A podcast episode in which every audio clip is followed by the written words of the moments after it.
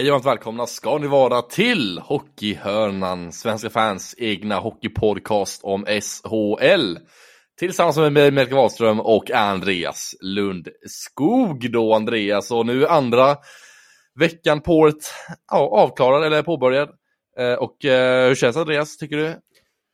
Nej, men vi har ju verkligen rivstartat det här året på alla sätt och vis. Det har varit eh, nej, men fullt upp med ett JVM-avslutning och sen så har det varit eh, rakt på SHL där det verkligen har varit en eh, händelserik helg, må jag verkligen säga. Och det är ju så att nu fram till egentligen ja, men slutspelet så går det ju utav bara farten. Det är ju helt otroligt här nu under, under de här månaderna. Oftast tre matcher varje vecka. Den här veckan bara två matcher då, men, men eh, fantastiskt roligt eh, tid nu komma in och det börjar sätta sig mer och det är ju slutstriderna som ska avgöras här nu och egentligen börjar vi gå in på ett helt nytt, helt nytt kapitel nu så att, eh, fantastiskt. Själv har jag varit i Ungern faktiskt, i Budapest här i helgen så att jag har varit lite bortkopplad men jag har ändå försökt att, eh, att hålla ställningarna på grund av en bussförsening så har man fått lite extra tid och utrymme för att läsa på lite mer.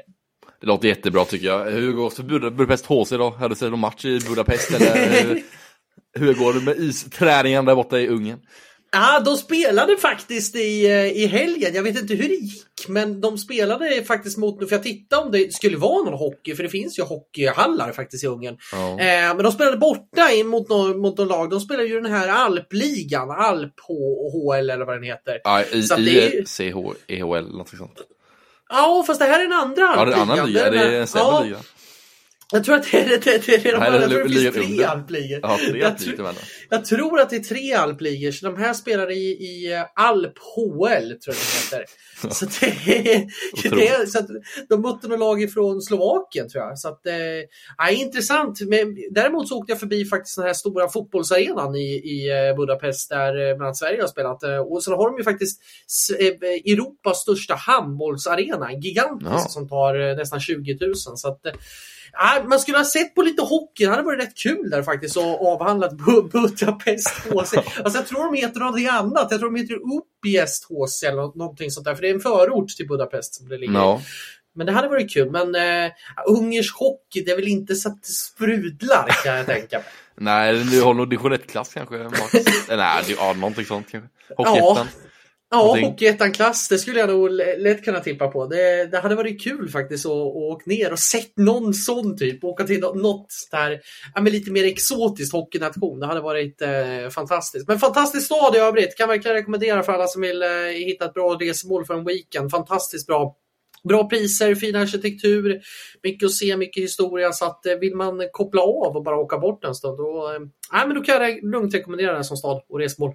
Mm, på tal om bra stad, alltså Göteborg är en väldigt fin stad i Sverige och de har ett hockeylag som heter Frölunda HC då och denna veckan har Frölunda två vinster, en förlust denna veckan då efter en vinst mot, eller förlåt, torsk mot Timrå i tisdags med 1-3. Eh, man var mot Leksand i torsdags med 4-2 och så blev det vinst mot Luleå med 5-2 denna veckan då Louis Eriksson med bland annat två gjorda mål denna veckan eh, och eh, Greco kom igång, Lashers mål också. och lite gott och blandat helt enkelt från Frölundas vecka och Andreas. Vad tycker du om Frölundas insats denna veckan? Nej, men fortsätter på lite det vi har snackat om tidigare under de senaste veckorna här i podden. Fortsätter på ungefär samma sätt. Har ju kommit in i någon sånt här form av topplagsbeteende fullständigt nu och liksom hittar, hittar sätt att vinna matcher och har ju inga de här långa förlustraderna. Man studsar tillbaka direkt efter en förlust och tar två raka segrar. Så det finns en högre lägstanivå nu i, i Frölunda. Jag är riktigt imponerad av hur de har hanterat de här sista, men egentligen senaste månaden. Det var verkligen har börjat sett tydliga alltså, linjer i, i Frölundas spel på ett helt annat sätt.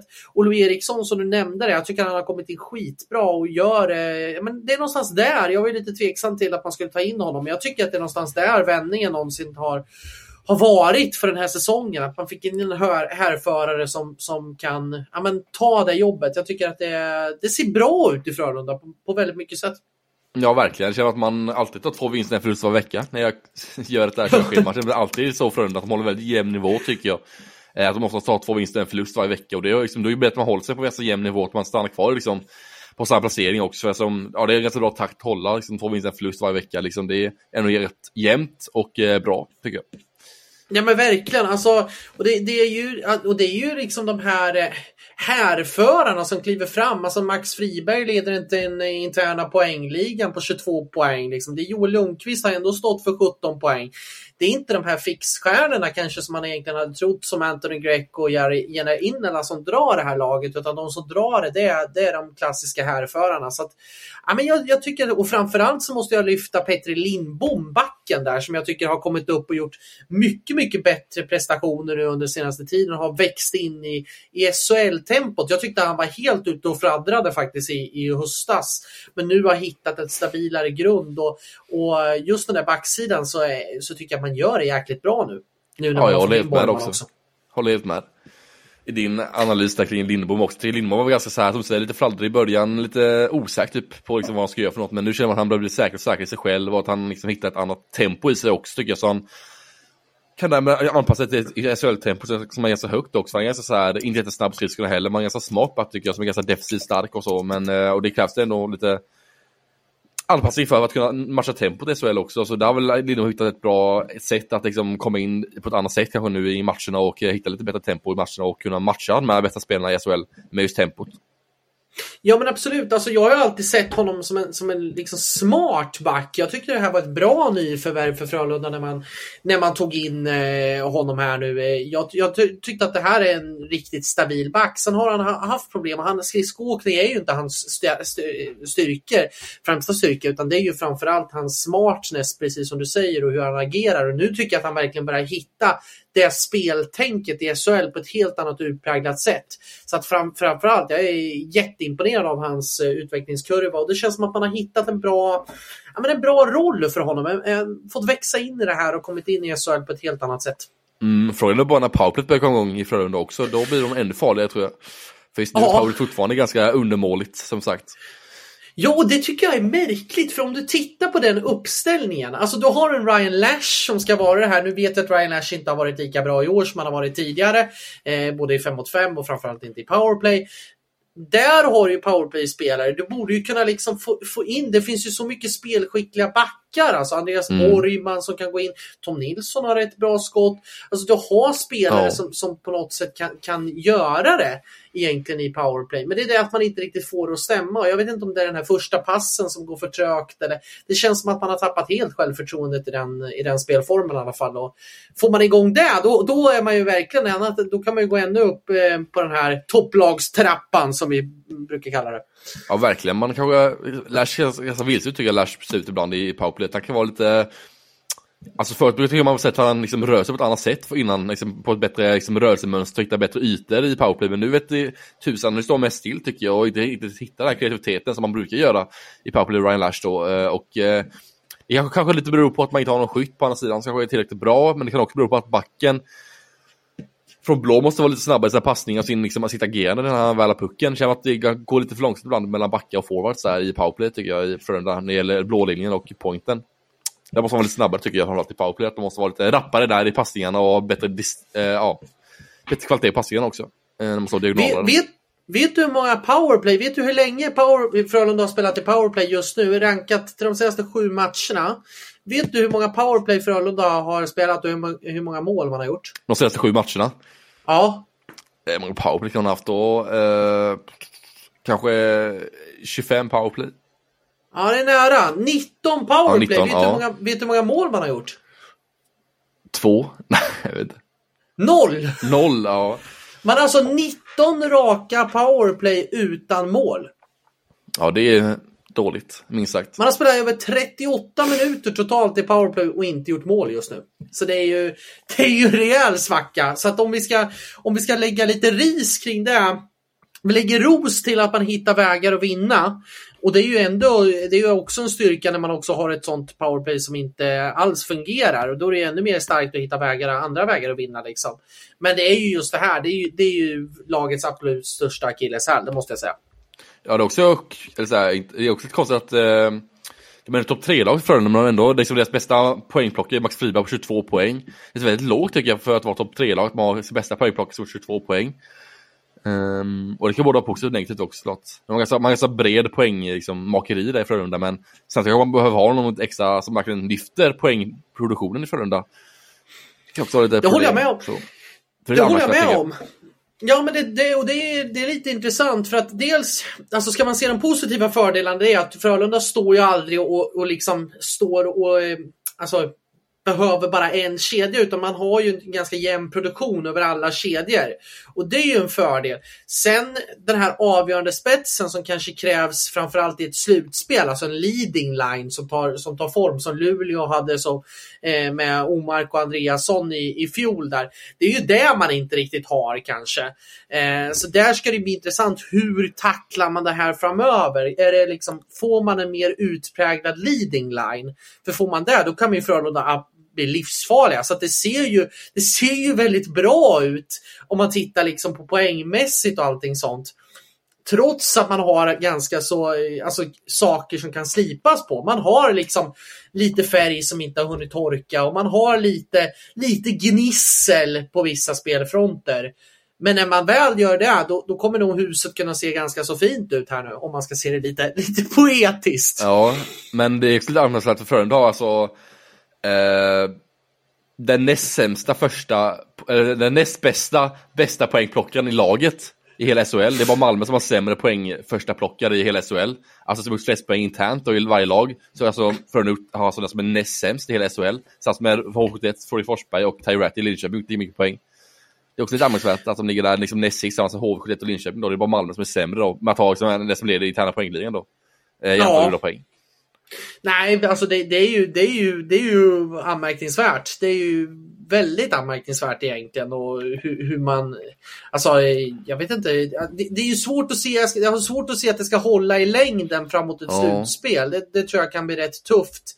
Men samtidigt får man ordning på det och får in en leading line. Jag skulle, jag, som jag skulle vilja se jag skulle vilja se någon annan lekkamrat, att man försöker gå ut på marknaden och hitta en lekkamrat till Ryan Lash. Det skulle jag faktiskt vilja se. För det känns som att det går lite troll för hans säsong här. Han får inte alls ut samma kapacitet som han egentligen har.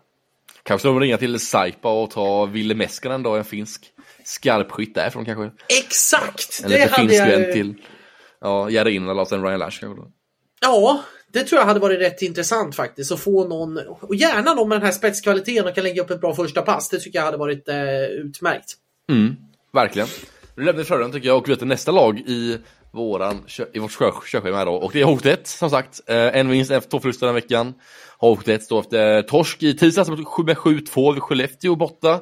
Man vann mot Brynäs hemma med 3-1 i torsdags och sen blev det en 2-1 torsk mot Rögle i lördags. Eh, Emil André, Lindbäck och Lensch mål i torsdags för HVs del. Eh, och eh, ja, det är lite grus i deras makeri här fortfarande H1 tycker jag. Ja, det är fortfarande det där Ikea-bygget som står och, och, faller lite. Som står och kan nästan braka ihop vid, vid en vindpust. Det känns lite så faktiskt. Det är väldigt mycket upp och ner. Det var starkt att vinna mot, mot Brynäs där med 3-1.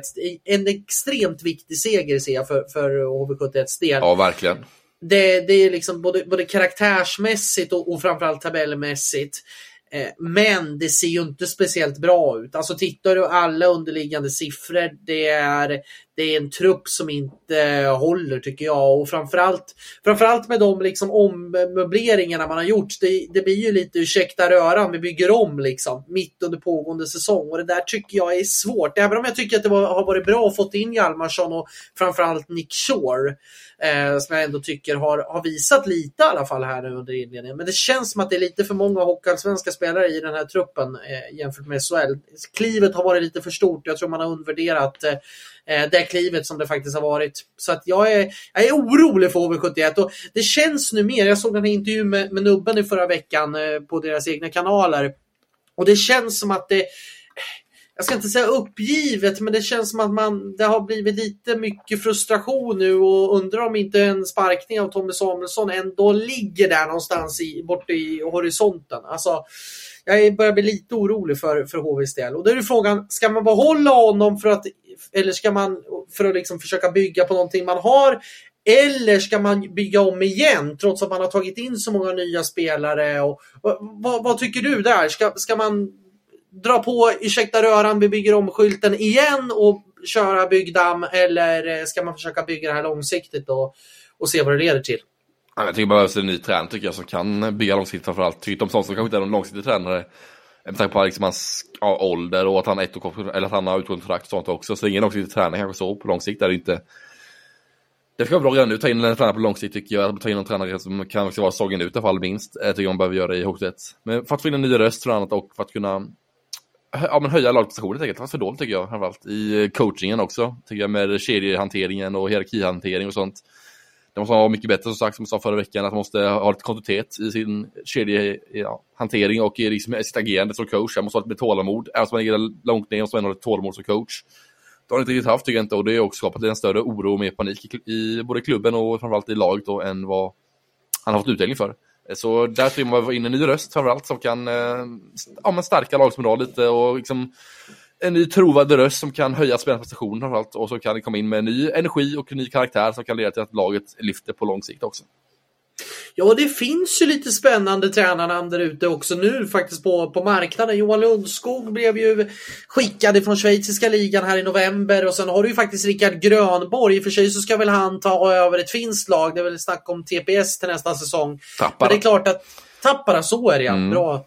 Eh, och, så han, men han kanske, alltså att kunna få in honom med bara liksom målet, vi ska klara oss kvar i SHL. Jag tror att han hade varit perfekt där. För det är typ han tillsammans med Peter Popovic i en, i en roll. Jag tycker att det hade varit jätteintressant. Peter Popovic som kanske kan vara lite mer av den här men, assisterande, diplomatiska, kunna vara liksom väggen mellan spelarna och Grönborg. Och så en Grönborg som går in och ställer krav på det här laget. Jag tycker att det hade varit intressant att se faktiskt nu kortsiktigt.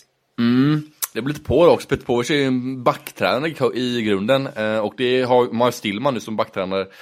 Så det är som om man skickar Stillman, eh, då måste man ta in en backtränare. Då är Popovic alltid tycker jag. Men jag tycker om man skickar Åkerman, då är Popovic inget alternativ, om jag hade tagit in honom direkt, för han är ju mer utav det som backtränare och en gammal back. Jag vet inte helt. Så eh, då måste man ta in en annan liksom, en forwardstränare, är mer rutinerad som en forwardstränare som ersätter Åkerman i så fall. För det har problemet varit med Åkerman att han inte är någon gammal forward eller någon, varit så rutinerad inom forwardskategorin där att hantera forwardsuppställningen. Så just ja. där tycker man att man behöver ta in en annan forwards, mer etablerat på forwardsidan då, att hantera just den och vara ansvarig över den sidan, än Popovic i så fall om man skulle ta in han. Sen tycker jag att Johan Lundström kunde vara en perfekt eh, långsiktig tränare också. Och man kan skriva ett långtidskontrakt med han om man tar in redan nu säsongen också. Så han skulle jag ju föredragit så framför Grönborg. Även om Grönborg är jättebra på kort sikt så tror jag Lundström bättre på lång sikt.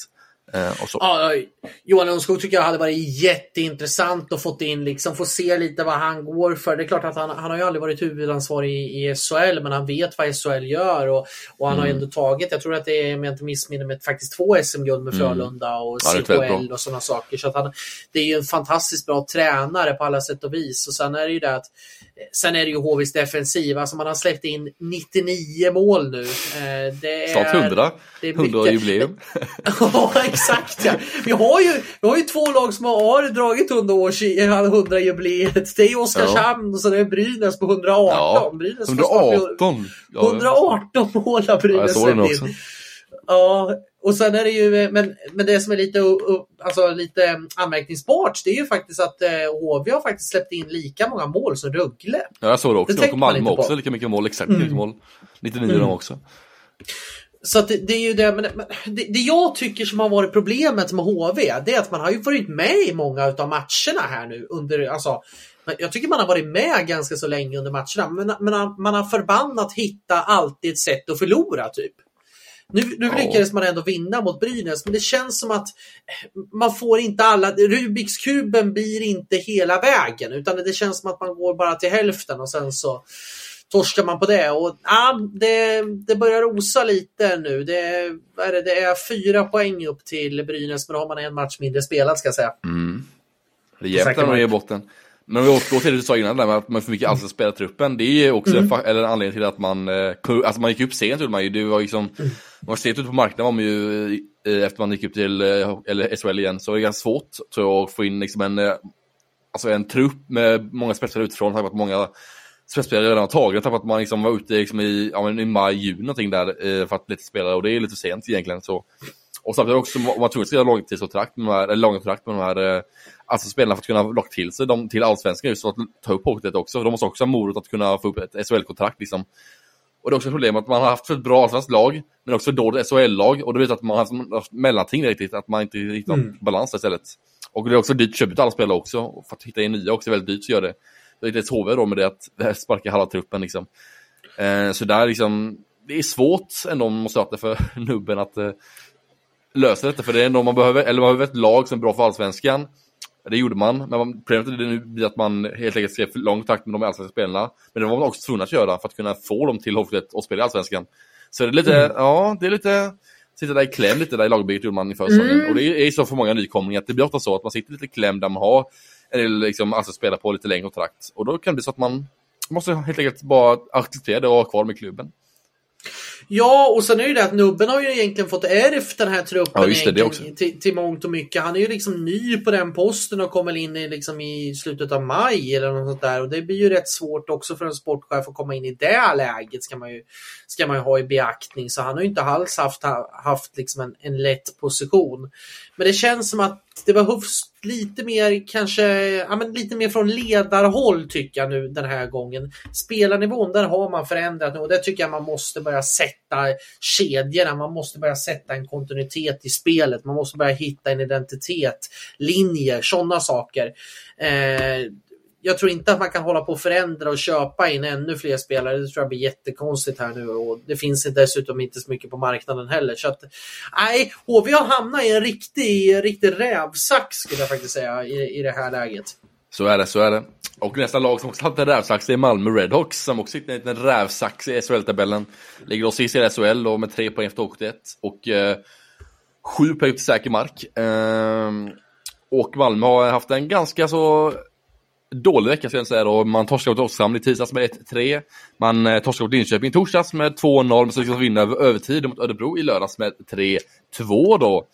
Så en vinst och två förluster då, eh, och totalt två poäng av nio möjliga den veckan för Malmös del. Eh, ja, det, Malmö ligger fortfarande lika tufft läge fortfarande typ. Det är sist ja. fortfarande och sju poäng till säker mark och det börjar sakta men säkert bli att man kan stå fast här snart att Malmö kommer att kvala. Det känns som att mycket tid tyder på det helt enkelt. Ja, alltså jag satt och räknade lite på det här på de här tabellen. Visst är det runt, runt 62 poäng man måste ha in? Eller ja, sånt där, 61 är det högsta innan någonsin. Det var ja. Mora som hade det tror jag, åkt ur. Ja, då måste man alltså ta man måste alltså ta lika många poäng nu på, vad blir det, det är, hur många omgångar är kvar? Det är 20, 20, det är 20 omgångar kvar. Ja. Så man måste alltså ta lika många poäng till, men som man har gjort på 32 omgångar. ja, exakt. Man måste alltså ta en... Jag tror det behövs mer också, än 62 poäng i år också. Mm. Det kan behövas ytterligare kanske 65-66 poäng utöver detta året. Man måste alltså ta i runda slängar i matematiska termer ungefär en och en halv poäng per match. Ja. Ja, så det, det är 34-35 poäng till behöver man ta in. Mm. På 20 matcher och på 32 matcher spelat in 31 poäng. Ja. Och då hör man liksom ett tufft läge där och eh, ja. Det, då, är det bara, då är det bara blicka uppåt och få liksom svindel nästintill. Ja. För att det, nej, det där är, eh, det känns som att det, det är för långt fram faktiskt. Jag, jag, tror att man, man måste egentligen börja inrikta sig redan nu på att det här kommer bli kval. Det, ja. det är bara inrikta sig. Jag kan, inte se, jag kan inte se en great escape liksom och inte av det här laget heller. Det är skillnad om man ser ett lag som kanske det finns spelarmaterial och sånt för. Det är klart att det finns spelarmaterial för att det ska gå bättre. Jag tänker på en sån som Carl Söderberg och sånt Barcelona bland annat som inte alls har kommit upp i nivå.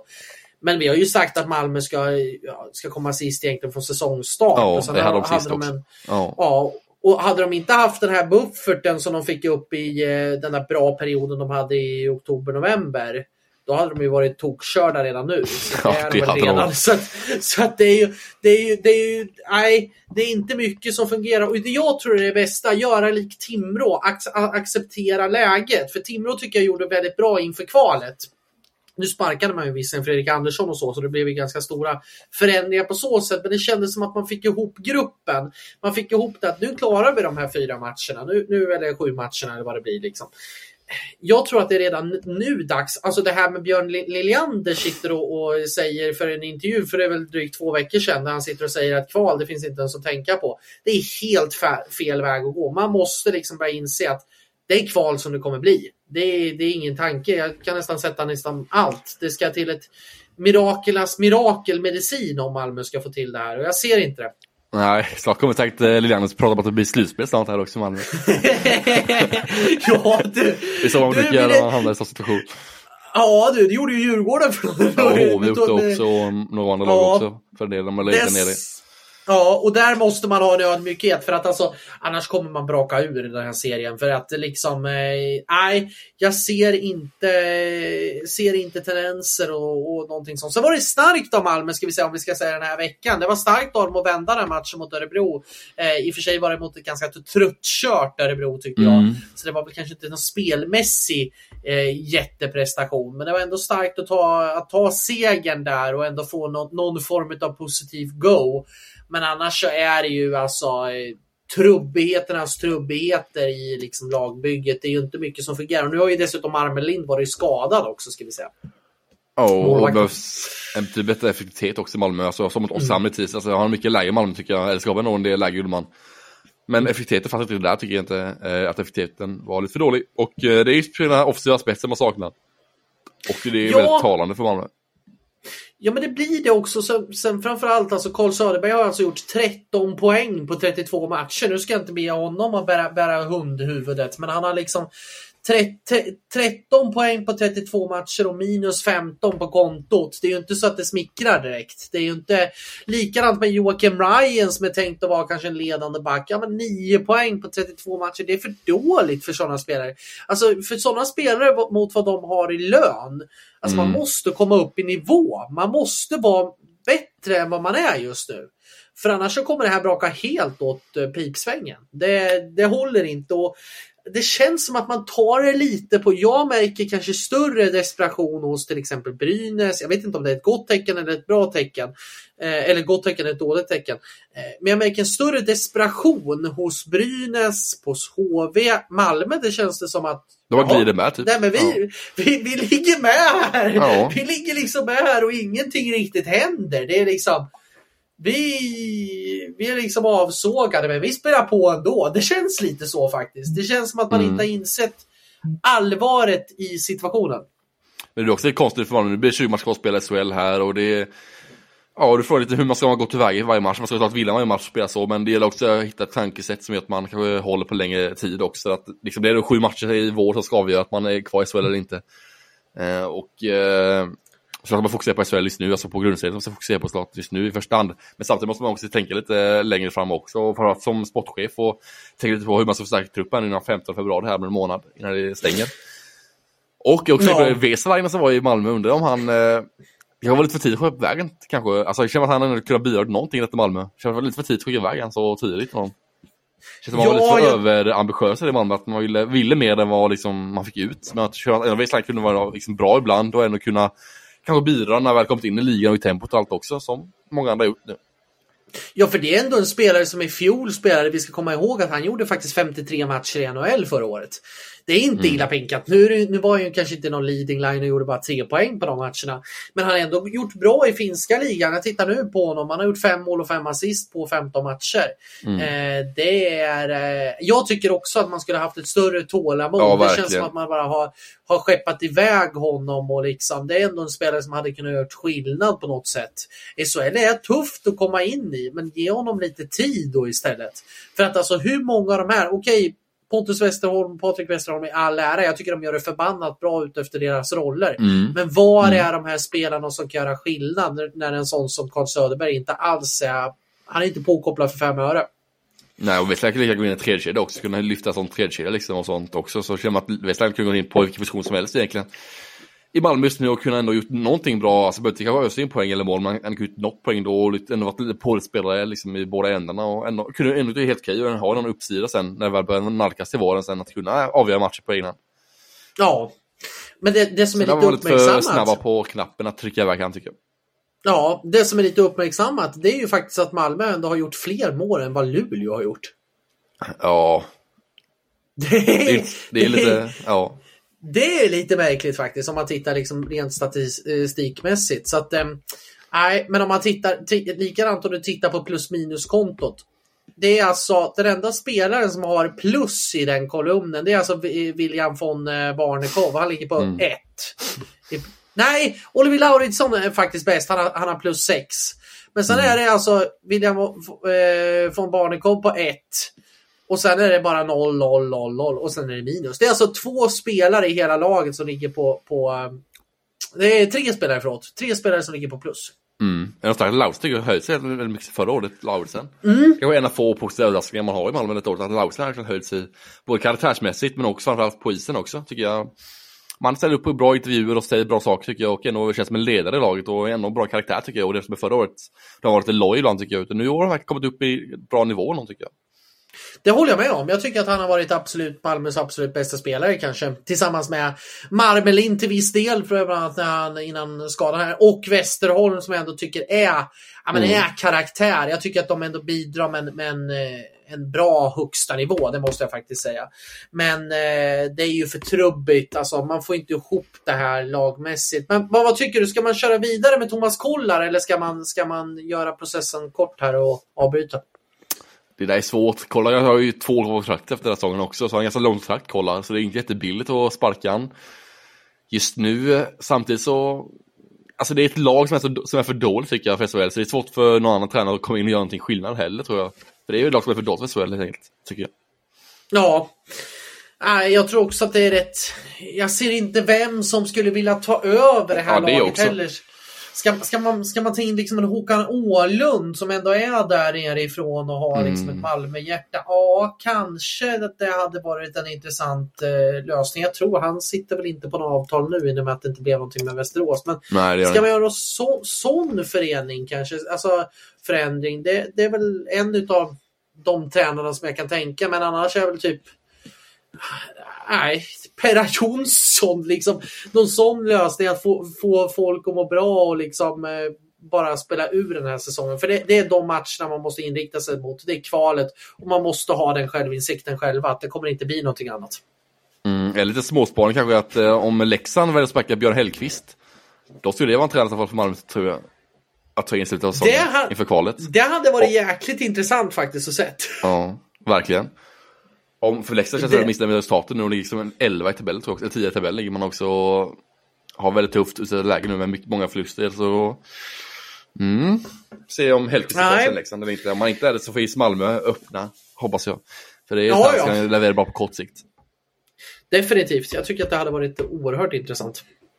På tal om bra tränare så har ju Färjestad en väldigt bra tränare i Thomas Mittell där och Färjestad har ju tre vinster den veckan. Eh, tre övertidsvinster, eller två på overtime och en på straffar den veckan eh, på tre matcher. Så det är ändå lite imponerande Färjestad att eh, vara starka i eh, e- e- övertid. Eh, man var emot Örebro i tisdags med 4-5 på bortaplan efter overtime efter att eh, Ejdsell avgjort som vanligt. Ejdsell avgjorde även i torsdags mot Växjö på en fin straff där. Eh, bakom Emil Larmi som var helt borta när Ejdsell gjorde sin fina dragning där och sen vann man dem mot Timrå i lördags med 3-4 efter overtime. Ja, Andreas, vad tycker du om Färjestads, ja, lite konstiga vecka med tre övertidsmatcher som lett till tre vinster? Ja, det är också lite av det här topplag som vi, vi, vi säger. Det, det, har inte alltid sett bra ut. Mot Örebro såg det katastrofalt ut de två första perioderna. Då var man liksom bara av, av banan typ. Framförallt i första, första tio så trodde jag att Örebro skulle liksom leda med 3-4-5-0. Det var mm. Absolut bland det svagaste jag sett under Färjestad under den här säsongen. Det blev 4-1 Örebro tror jag och sen vände Färjestad i tredje perioden. Ja, stämmer bra. Och dessutom hade Örebro en straff där också, så det hade kunnat bli 5-1 och då tror jag mm. den matchen hade varit körd. Men istället så kommer han tillbaka och vinner allting. Och det är det här jag, jag menar, alltså det här är ruskigt imponerande hur det här laget på något sätt aldrig ger sig. De, de kör vidare liksom och är så förbannat svårslagna. Eh, och tar sig tillbaka när man liksom hamnar i underlägen och man, man hittar nya sätt på något sätt att, att ta poäng och det är enormt imponerande. Man har Joakim Nygård som är absolut stekhet även den här veckan.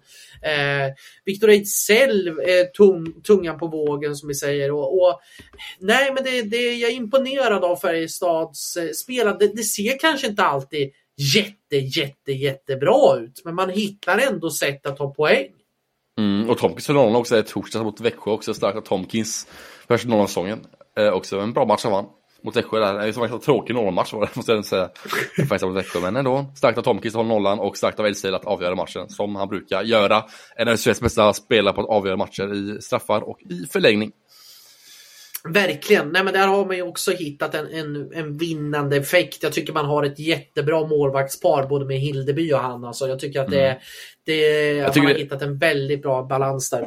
Ja, det är precis på gränsen tycker jag där. För att, vara för, ett, att man har för bra målvaktspar, då blir det inte bra. Det har jag sett av Brynäs tidigare. Men, eller, men eh, Verkstad var verkligen på gränsen att de har för bra och liksom med, alltså, de har bra balans tycker jag mellan deras målvakter. De har en ung som är jättebra, målvakt nu i Hildeby. Och som också etablerad målvakt i Tomkvist. Perfekt tycker jag. Alltså perfekt balans där i målvaktsuppsättningen eh, av eh, Wallin och kompani där i Färjestad. Att man kan hitta bra balans där mellan både ålder och även kvaliteter. Eh, men det är väldigt, tycker jag, väldigt smart gjort det. Absolut. Nej, men jag tycker att det är, jag, jag, är imponerad hur man har fått till det och jag tror att det är rätt bra att ha en ung talang, lite upcoming som kan, kan liksom vara, ja, men, och sen ha en etablerad, eh, etablerad målvakt som kan vara lite mer mentor åt, åt sin medspelare. Eh, jag tycker att det är bättre än istället för att ha två topp etablerade målvakter som Brynäs hade, det, som inte alls, det blev ju en ohållbar situation. Så att, eh, nej, riktigt eh, imponerad av hur, eh, hur Färjestad for, eh, för fram. Och det jag tycker att man börjar se ännu mer, framförallt sen Lennström kom tillbaka, det är att Färjestad är lite mer fysiska nu. Man spelar lite av den här tuffheten, man är riktigt jobbiga att möta nu liksom.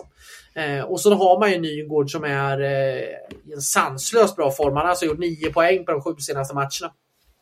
Ja, helt otroligt är det faktiskt. Eh, men det var faktiskt vecka och faktiskt ligger på en fjärdeplats i SHL också i tabellen, så är väldigt starkt gjort av dem.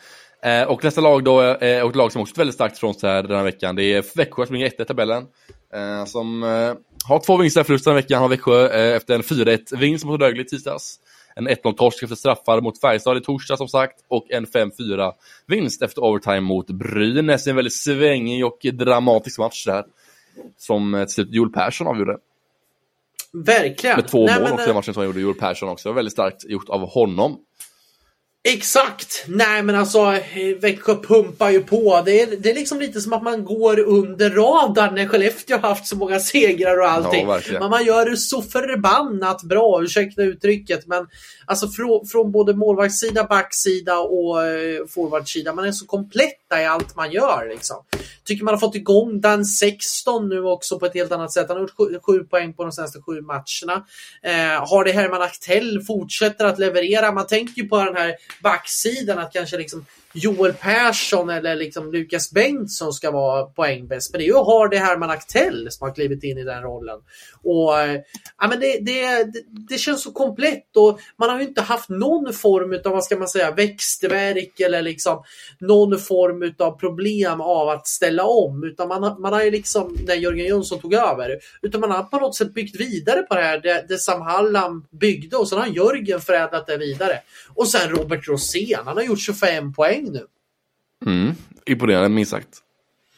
Verkligen, och dessutom Kalle Kossela. Alltså man har spelare som kommer, ja, men gör det förbannat bra så att eh, jag ser inte så många liksom vad ska man säga? Jag ser inte så många gnissel i det här lagbygget om jag ska vara ärlig just nu. Eh, jag tycker att man är eh, ruskigt imponerad på vad man, vad man gör där ute liksom. Ja, nu börjar också Dansvin, Jocke Blitchfeldt komma igång också, som kanske tilltänkt topp 6-forward i försäsongen. Han har varit lite kritiserad på bänken och sånt, men nu börjar han komma igång också i målprotokollet. Gjorde även mål här i tisdags mot Rögle också, gjorde Blitchfeldt och även Rosén också för den delen. Så det är, ja, man har bra balans där tycker jag, mellan backs, bra backar och en eh, bra folksida med både spets och energiska spelare som jobbar hårt och även karaktärsspelare också. Ja, och sen har man ju, alltså man är ju, det är laget i ligan som har släppt in färst antal mål. Man har bara släppt in 73 stycken på 33 matcher. Eh, det, är, det är ruskigt stabila papper. Man har ett snittpoäng. Man snittar alltså 2,03 i en snittpoäng. Alltså det är, det är väldigt, väldigt högt. Man har också mest bäst plus minus i ligan i 30 plus. Sätter insätta mål och gjorda mål framåt. Det är bara Skellefteå som är bättre i ligan med tre mer plus än vad Växjö har. Så det är också imponerande tycker jag att man har mm, 30 plus är väldigt imponerande också i ligan. Mm. Alltså 30 mer mål ju... framåt än bakåt med andra ord. Exakt, alltså det är ju, det, det är ju ruskigt bra. Man har väl gjort, är det... 103 mål framåt och 73 släppt in bakåt. Ja, då har man alltså, då har man alltså gjort näst mest mål i ligan och man har, man har släppt in färst mål i ligan. Då, Mm. Och då blir man ju bäst. Exakt. Det kan vi, Svårare så är det inte. Svårare så logiken är det inte. Tänk vad enkelt det blir ibland att analysera med siffror. Nej men alltså, eh, det, vi måste lyfta fram Jörgen Jönssons arbete återigen. Alltså, så jäkla bra den där ledarstaben har fått ihop det. Eh, jag är så ruskigt imponerad av Växjö just nu faktiskt. Och jag Men tycker, också- det, Ja. det jag tycker det är att man ska försöka, jag vet inte om man egentligen ska behöva ta in någonting heller inom den 15 februari då transferfönstret stänger. För jag tycker man ska bygga på det här. Jag tycker att det är det här Ja. man, man, man behöver inga extra krusiduller eller någonting sånt. Det är klart att någon, om någon jättespelare skulle bli tillgänglig så det är klart att det skulle vara intressant. Men, men jag tycker att det är viktigare att låta den här gruppen få göra det nu. För jag tycker att de bevisar att de är förbannat bra helt enkelt. Ja, verkligen. Jag tycker det blir bara lite plottrigt att ta in en nyfärdig nu. Nu är det massa köp ett eller sager ut tycker jag. Mm. Eh, och håll i det som att så bra nu och bara håll i det utsagen och utveckla spelarna ännu mer. Absolut. Man har alltså 18 trepoängare också i SHL, det är också det tycker jag. Att ha 18 trepoängare, det visar också på att man har väldigt bra under ordinarie tid och bra på att liksom hitta vägar att vinna i slutet av matcherna också. I, un- under ordinarie tid också. Så det är också på det tycker jag i Växjö. Verkligen. Så, det var Växjös vecka helt enkelt och nästa lag ut är ingen mindre än Timrå. Ehm, Timrå en vinst, två förluster i veckan. Lite tyng, tyngre vecka för Timrå den här veckan kanske då. Ehm, men efter en eh, 3-4 torsk mot Färjestad eh, i lördags. Eh, och sedan så um, torskade, eller torskade man mot Frölunda i torsdags och sen Ja, torskade mot Luleå också här i veckan. Alltså det är alltså en vinst, två förluster för Timrå den veckan. Eh, och eh, ja, Ja, faktiskt tuff vecka för Timrå ändå. Eh, Det har varit mycket kritik mot domarna bland annat, har sett efter att färgsmatchen framförallt och lite sånt. Så det är ganska hårda toner från Timrå-läget den här veckan tycker jag. Ja, och det jag är lite orolig för nu. Vi kommer till det lite senare sen när vi ska snacka om, om Ante Karlssons utbrott. Ska vi, tänkte att vi skulle göra lite senare. Mm. Eh, men det jag tycker att blir där, vi kan börja i den änden. Det är att jag tycker att man börjar lägga fokus på fel saker. Eh, då, det, det blir jag lite orolig faktiskt nu. För första gången känner jag mig lite sådär Ah, nu, nu måste ni nog ta och vässa er lite. Nu, nu får ni faktiskt ta er i kragen. För att när man håller på med sådana grejer, sådana grejer du inte kan påverka. Håll inte på och gnäll på det. Utan liksom, nu blev det så här, punkt slut, gå vidare. När man håller på och gnäller och håller på så här, då tycker jag på något sätt att man tappar fel, man tappar fokus på saker och ting. Eh, och det är det jag är lite rädd att Timrå har tagit lite kanske för lätt de senaste veckorna på, på eh, resultatet. För det har gått lite neråt, det ska vi säga. Vi har varit, eh, vi hyllat dem starkt här nu under säsongen. De har gjort en jättefin säsonginledning, det säger jag ingenting om. Men de senaste veckorna så har det dalat lite. Mm, det är lite väntat också, jag sett till liksom laget också, eller dalar lite på sidan. Så man har ju så här, man har överpresterat i många lagdelar under inledningssäsongen här och under första halvan av säsongen. Så det är ju att de börjar dala lite nu, jag tycker jag inte är något jättekonstigt till laget sånt heller. Eh, lite, lite skador på det också om man också haft, som har gjort att man också tappat lite i tabellen. Eller tappat poäng också. Så inget konstigt det kanske tror jag inte, men eh, ja. Ändå lite anmärkningsvärt att man tappar lite nu på senare tiden. Det, det håller jag med om. Alltså, och, och, det jag tycker lite det är precis som du säger att verkligheten kommer i- kanske ikapp lite när det blir så här att man går på ett rus, man kommer in i segrarna, man, man liksom tar seger efter seger efter seger. Och så går det lite tungt, man får liksom en slamp som det kallas på engelska. Eh, och då blir det ju så att det, det, det är lite halvsekt att, att komma igång, igen. Då liksom. det, det tar lite mer tid och jag tycker också att ute efter spelartruppen nu när man har haft lite skador också så, så tar det lite. Tufft också att få bort Anton Wedin här nu som blir väl borta resten av säsongen va? Ja, exakt. Det är ju ett jätteavbräck. också, från till Brynäs då som sagt för några veckor sedan. Så har ganska tunn, eh, tunn trupp sin helhet tycker jag. Det här med, eh, man har liksom en bra målvakt har man, så blir han skadad, ja då kommer Raus till in och då kommer inte han, då kommer han väldigt tunt där. Backsidan lika så med Dig Strömmar som är väldigt skadebenägen. Eh, och får man skada på Elmer Eronen eller Josef som är väldigt tuff på backsidan också tycker jag. Eh, liten skada också den delen. Så det är, och så har man åtta backar med Olle Elfelt också, det kan bli lite tufft där också. Man får, man har ganska tunn trupp tycker jag överlag liksom så att liksom i många lagdelar. Så det kan bli tufft på lång sikt om man kanske hittar någon förstärkning eller något. Ja, alltså man har ju, har ju en, vad är det, nio, for, nio backar och 14 forwards har man på. Mm. Och då ska man dock räkna bort Anton Medin och Didrik Strömberg spelar väl inte heller just nu va? Jo, han kommer tillbaka uh, den veckan. Han har kommit tillbaka. Uh, man tror, men han är lite av och på, så man vet ju aldrig man. Han kan bli skadad igen, så ja. tyvärr. Och då, då är du ju nere på, ja, då är du nere på 13 forwards och det är lite halvtajt. Så att jag tycker att det här, man måste nog kanske börja titta lite på marknaden nu. Framförallt när man fick Vedin skadad. Nu är det inte forwardsidan som är kanske det största utan backsidan är det ju ännu mer den är ju ännu mer sårbar. Jag säger. Om man skulle få en skada på till exempel Tim Eriksson eller en eh, Lyttinen eller någon, någon Per ja. Svensson eller någon. Då, då blir det ju tuffare. Då kommer det bli ännu mer tuffare. Men som, som du säger så är det en, ett ganska så tunt lag. Liksom, och det, det är tufft att det, det ska räcka över 52 omgångar. Tittar man kortsiktigt vad det är som har gått lite troll så är det dels att man har haft en skotteffektivitet som inte har varit lika bra nu den senaste tiden. Man ligger på 9,49 sätts till de eh, senaste fem matcherna där man är 11 i tabellen. Eh, tittar man defensivt, ja, då ligger man på, eh, vi ska se här, eh, då har man haft en räddningsprocent på, då är man faktiskt fyra med räddningsprocent på 91,61. Så det är väl lite där att offensiven har varit lite kanske sämre de senaste matcherna. Ja, verkligen. Det som också avgör antal mål också, att man ligger i antal mål 88 mål mot framåt och ut. Eh, och det är liksom en eh, nionde plats i SHL. Ja, Nej, så det, det är väl lite, det är frågan om nu liksom, det är nu man ska få, det är nu liksom frågorna kommer ställas självklart. Men jag tycker så här att Timrå har redan gjort det så jäkla bra. Timrå har ju redan, nu ska vi inte säga exakt, men de har väl, jo men de, de är ju klara för SHL Ja, de är klara. Ja, så är det, det De satte ju högre än så nu. Det, det, kan vi ju, det kan vi ju säga. Och, och redan där så tycker jag man ska ha en fjäder i hatten. Allting annat nu, det blir ju bara en bonus hur långt man kommer. Sen är inte jag övertygad om att man kommer vara ett topp 6-lag. För Rögle har fått upp ångerna. Man har ett Örebro som ändå är väldigt svårslagna.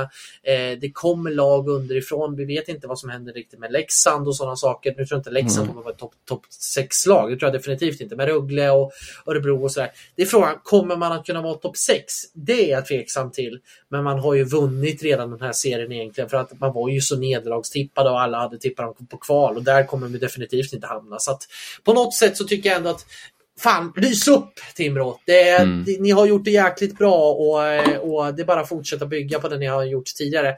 Formsvackor, det kommer och går. Liksom. Jag tycker inte man ska vara så jätteorolig. Men Nej, lägg inte. fokus på rätt saker. Vi kommer till det senare, men, men det tycker jag är, är prio ett nu. Det är, det är rådet jag har den här veckan.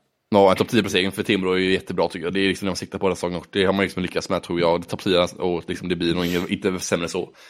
Bra för Timrå. Det alltså, gäller att ta upp den jakten på topp 6. Det är ju jakten för Timrå nu, men topp 10 tycker jag är väldigt bra för Timrås del detta året. Ja, och jag tror till och med man kan vara topp 8. Eh, ja, ja, det tror jag, också. Jag tror, jag tror lätt att man kan vara topp 8. Eh, jag tror det blir 6 7 någonstans tror jag. Det blir någonstans 7 6 Ja. Det är där man det... får fightas liksom om. Ja, jag tror att det kommer att bli ett race egentligen om, om, om femman, sexan, sjuan mellan Örebro, Rögle och eh, Timrå.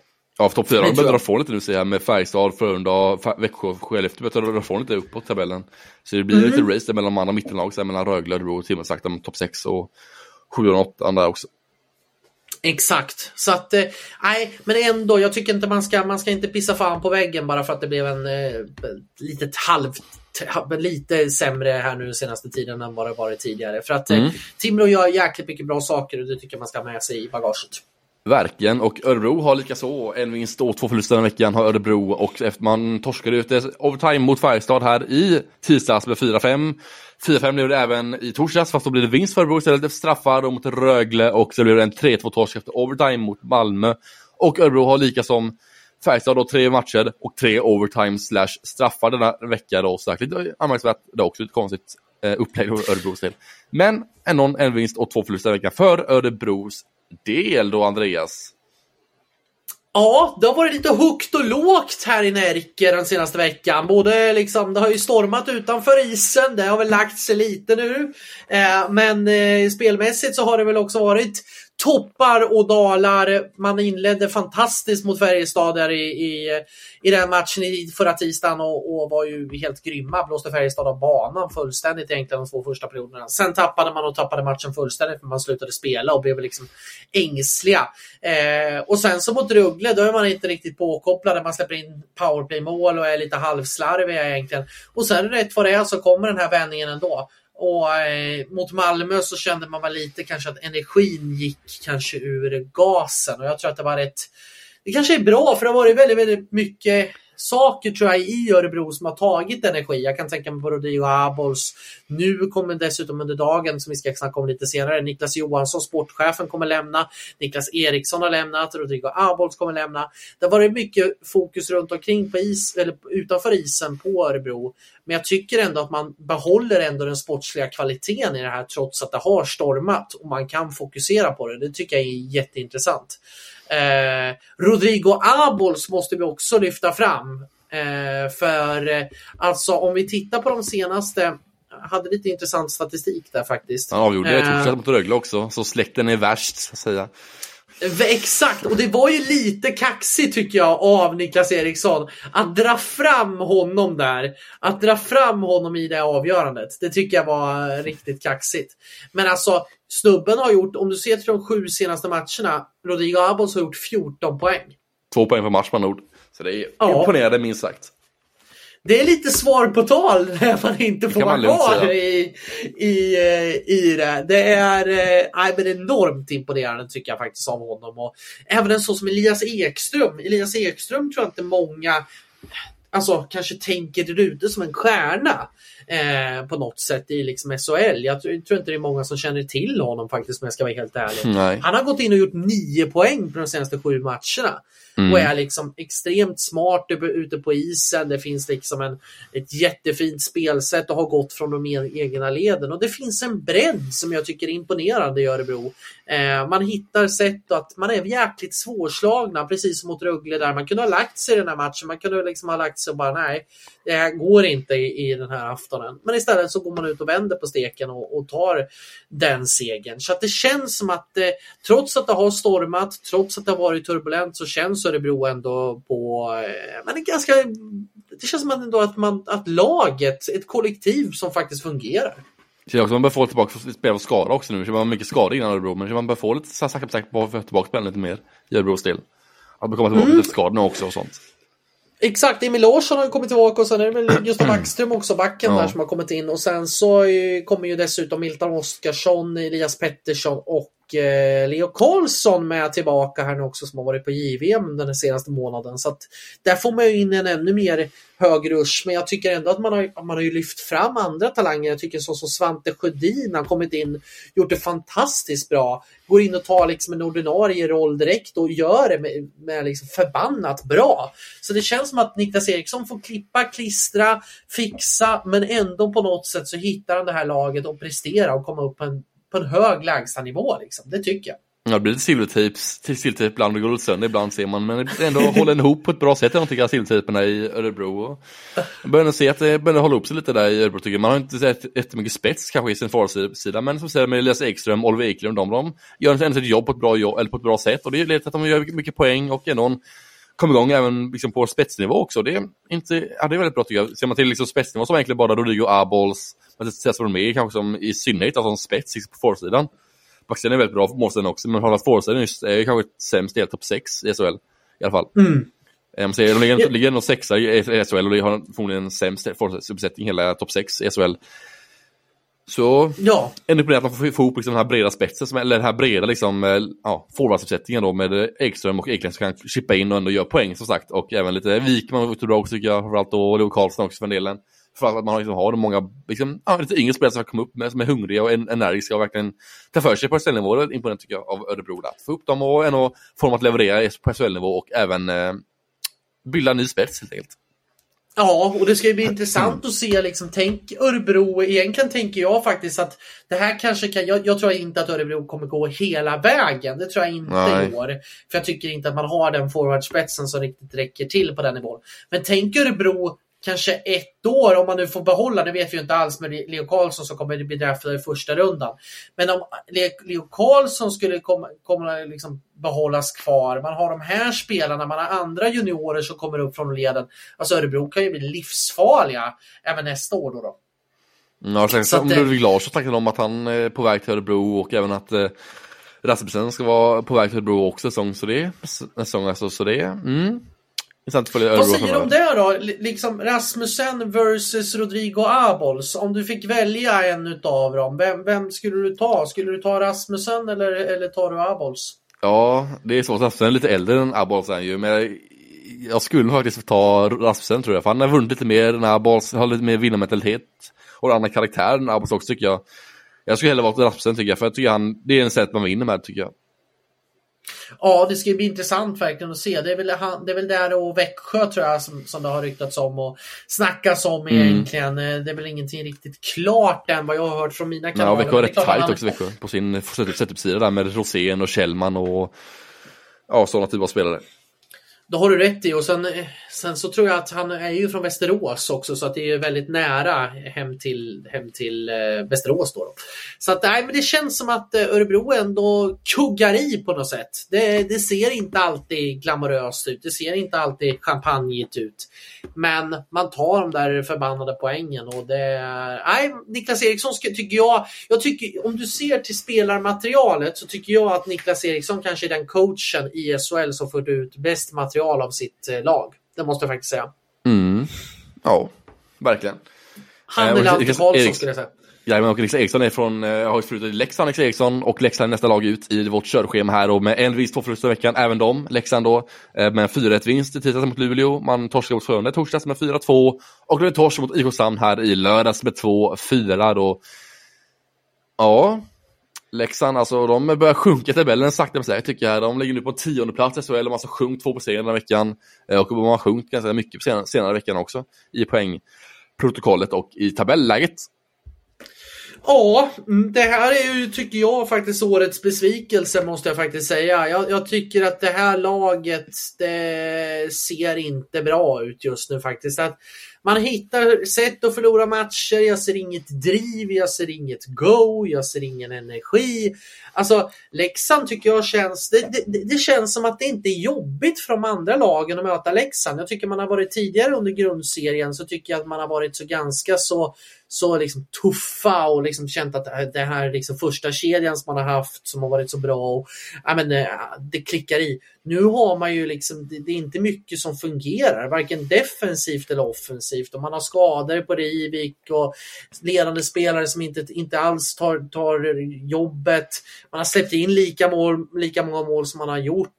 Mm. Eh, jag tycker att Leksand har blivit synade i eh, det taktiska framförallt. Jag tycker inte att man har en bra spelidé. Jag tycker inte man har en bra grundplan om jag ska vara ärlig. Nu kanske jag drar fram motorsågen och låter hård här. Men jag tycker inte att, att man har en spelidé som räcker till för SHL just nu. Nej, det jag håller med om faktiskt. Jag tycker också man förlorar väldigt mycket närkamper. Leksand är väldigt är så stort och kraftfullt lag med många liksom, långa, starka, tuffa spelare. Mm. Mm. Men trots det så vill de förlora mycket närkamper känns det som att de gjorde det framförallt i lördags mot Oskarshamn. Eh, man torskade med närkamper för allt och inte riktigt gå in där kanske hundraprocentigt. Eh, och kanske lite lojt tycker jag också ibland. Liksom, Elvenes ser lite loj ut ibland och Rojo har man gjort det också tidigare och Klås också en del också. Lite loj ut i, i närkampsspel och sånt. Så det känner man att det finns väldigt mycket eh, som inte klaffar i Leksand helt Det är väldigt mycket som är fel på många delar. Liksom, jag tycker även man har svårt att spela, spela sig ut situationer i egen zon framförallt. I sitt urspel framförallt, som jag har sagt länge här nu att Leksand har haft på det sitt urspel framförallt. Eh, det är visst där man liksom måste sätta en struktur till att börja med och för att sen kunna bygga spel lite högre upp till banan också. Jag tycker det saknas någonting i Leksand, jag vet inte vad det är som saknas, men det är något som saknas. Lite mer tuffhet vill man se från Leksands sida, lite mer kraftfullhet, liksom visa liksom att det är vi som bestämmer och det är vi som har ett bra, vi har ett bra lag på pappret, vi är bra spelare. Visa verkligen att man har liksom den här starka viljan och har den här karaktären som jag pratat mycket om tidigare. Ja, klock, klockren analys och du, du säger också där om karaktären. Jag sa jag saknar ju liksom härförarna, vilket kliver in, kliver in och liksom gör det här? Vilka gör arbetet? Vilka kommer, kommer till liksom, vilket sätter lägsta nivån? Hur ska vi uppfattas som lag? Oskar Lang har varit skitbra liksom. Men där under liksom, Carter Camper, Justin Clues, ja, men de gör sina poäng men det är inte mycket mer än så. Jag saknar det här lilla extra kryddan för att man ska liksom kunna prestera.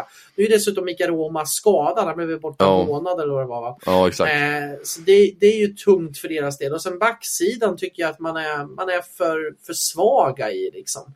Eh, man har en, en bra målvakt tycker jag i Mantis- Mantas Armali som gör Ja. det bra. Han har 92 i räddningsprocent. Det är den spelaren som jag tycker har varit absolut bäst i det här laget. Men jag tänker på en sån som Ahnelöv. Nah. Ola Alsing tycker jag blir besviken i Leksand också. Ja. Jag tycker han har varit alldeles för dålig över hela banan, både offset och defensivt. Jag håller med. Alltså inte alls kommit upp i den nivån. Ahnelöv, eh, Ekberg har ju varit utlånad lite senare. Men alltså, nej, backsidan tycker jag känns... Jag tycker det känns ihåligt. Jag tycker inte att det, det, det är Anton Lindholm som är den stora, men även han tycker jag haft lite dippar här nu på senaste tiden. Så att, Mm. Nej, Leksand tycker jag känns som, som den, eh, den, det, Jag tycker att man har varit kanske den största besvikelsen faktiskt. Om jag ska Ja, se sett till budget och lagpappret och Mm. vad man har fått ut av laget så är det ju verkligen en av de största besvikelserna i hela SHL än så länge. Det kommer inte till guldstolen med. Eh, jag tycker också jag saknar lite, jag saknar Keito, jag saknar liksom hans spelskicklighet, Keith Keito som har varit väldigt bra tidigare år tycker jag. Just hans offensiva driv och hans liksom spelskicklighet har jag saknat detta året också.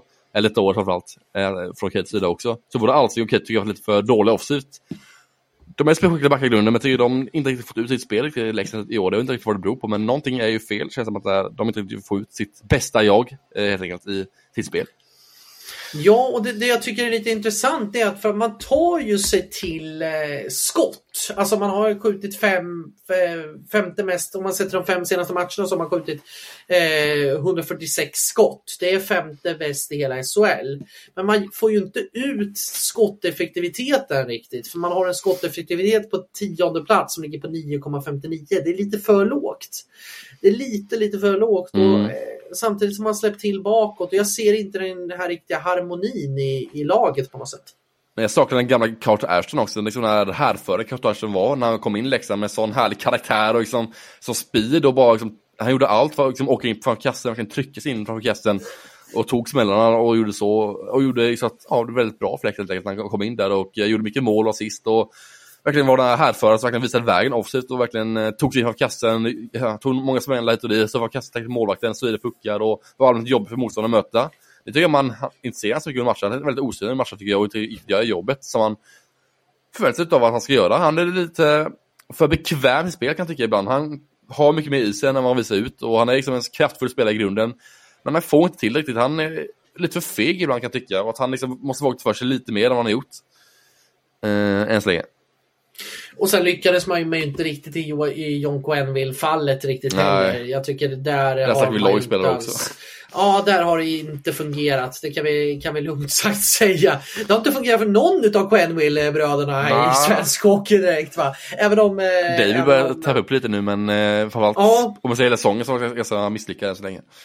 Ja, så att eh, Ja. det känns som att det ska bli intressant och det ska bli intressant hur Leksand resonerar. För vad, vad säger man? Alltså kommer det här laget, åker man ut i play-in, då är det frågan om liksom, kan man ha kvar Björn Hellkvist efter den här Ja, säsongen? då är det nog tack och natt tror jag alltså. Eh, för Hellkvists del, alltså det känns att, åh. Alltså man kan stå och, alltså, man stampa på samma ställe i Leksand. Man, kom, man utvecklas ingenting till spel tycker jag inte nu. Man har gått upp för att vara bottenlag i SHL och vara juniorlag mellan SHL och Hockeysvenskan. Har man tagit sig upp etablerat ett, eller etablerat SHL-lag. Man är i mitten mellan 10 till 7 liksom. Det är där man håller sig nu. Man utvecklar inte spel ytterligare. Man, måste, man, borde nog ligga högre upp i tabellen än man egentligen gör. Eh, men man gör inte det helt enkelt. För man, det är någonting som brister i sitt spel. Man måste utveckla sitt spel ännu mer tycker jag och inte fått den här utvecklingen av spelarna heller som varit på senare tid heller. Så det är mycket som krävs för Leksand ska kunna förbättra liksom deras lag som helhet, få ut liksom mer sina spelare framförallt. Eh, och kanske dags att träna lite säsongen.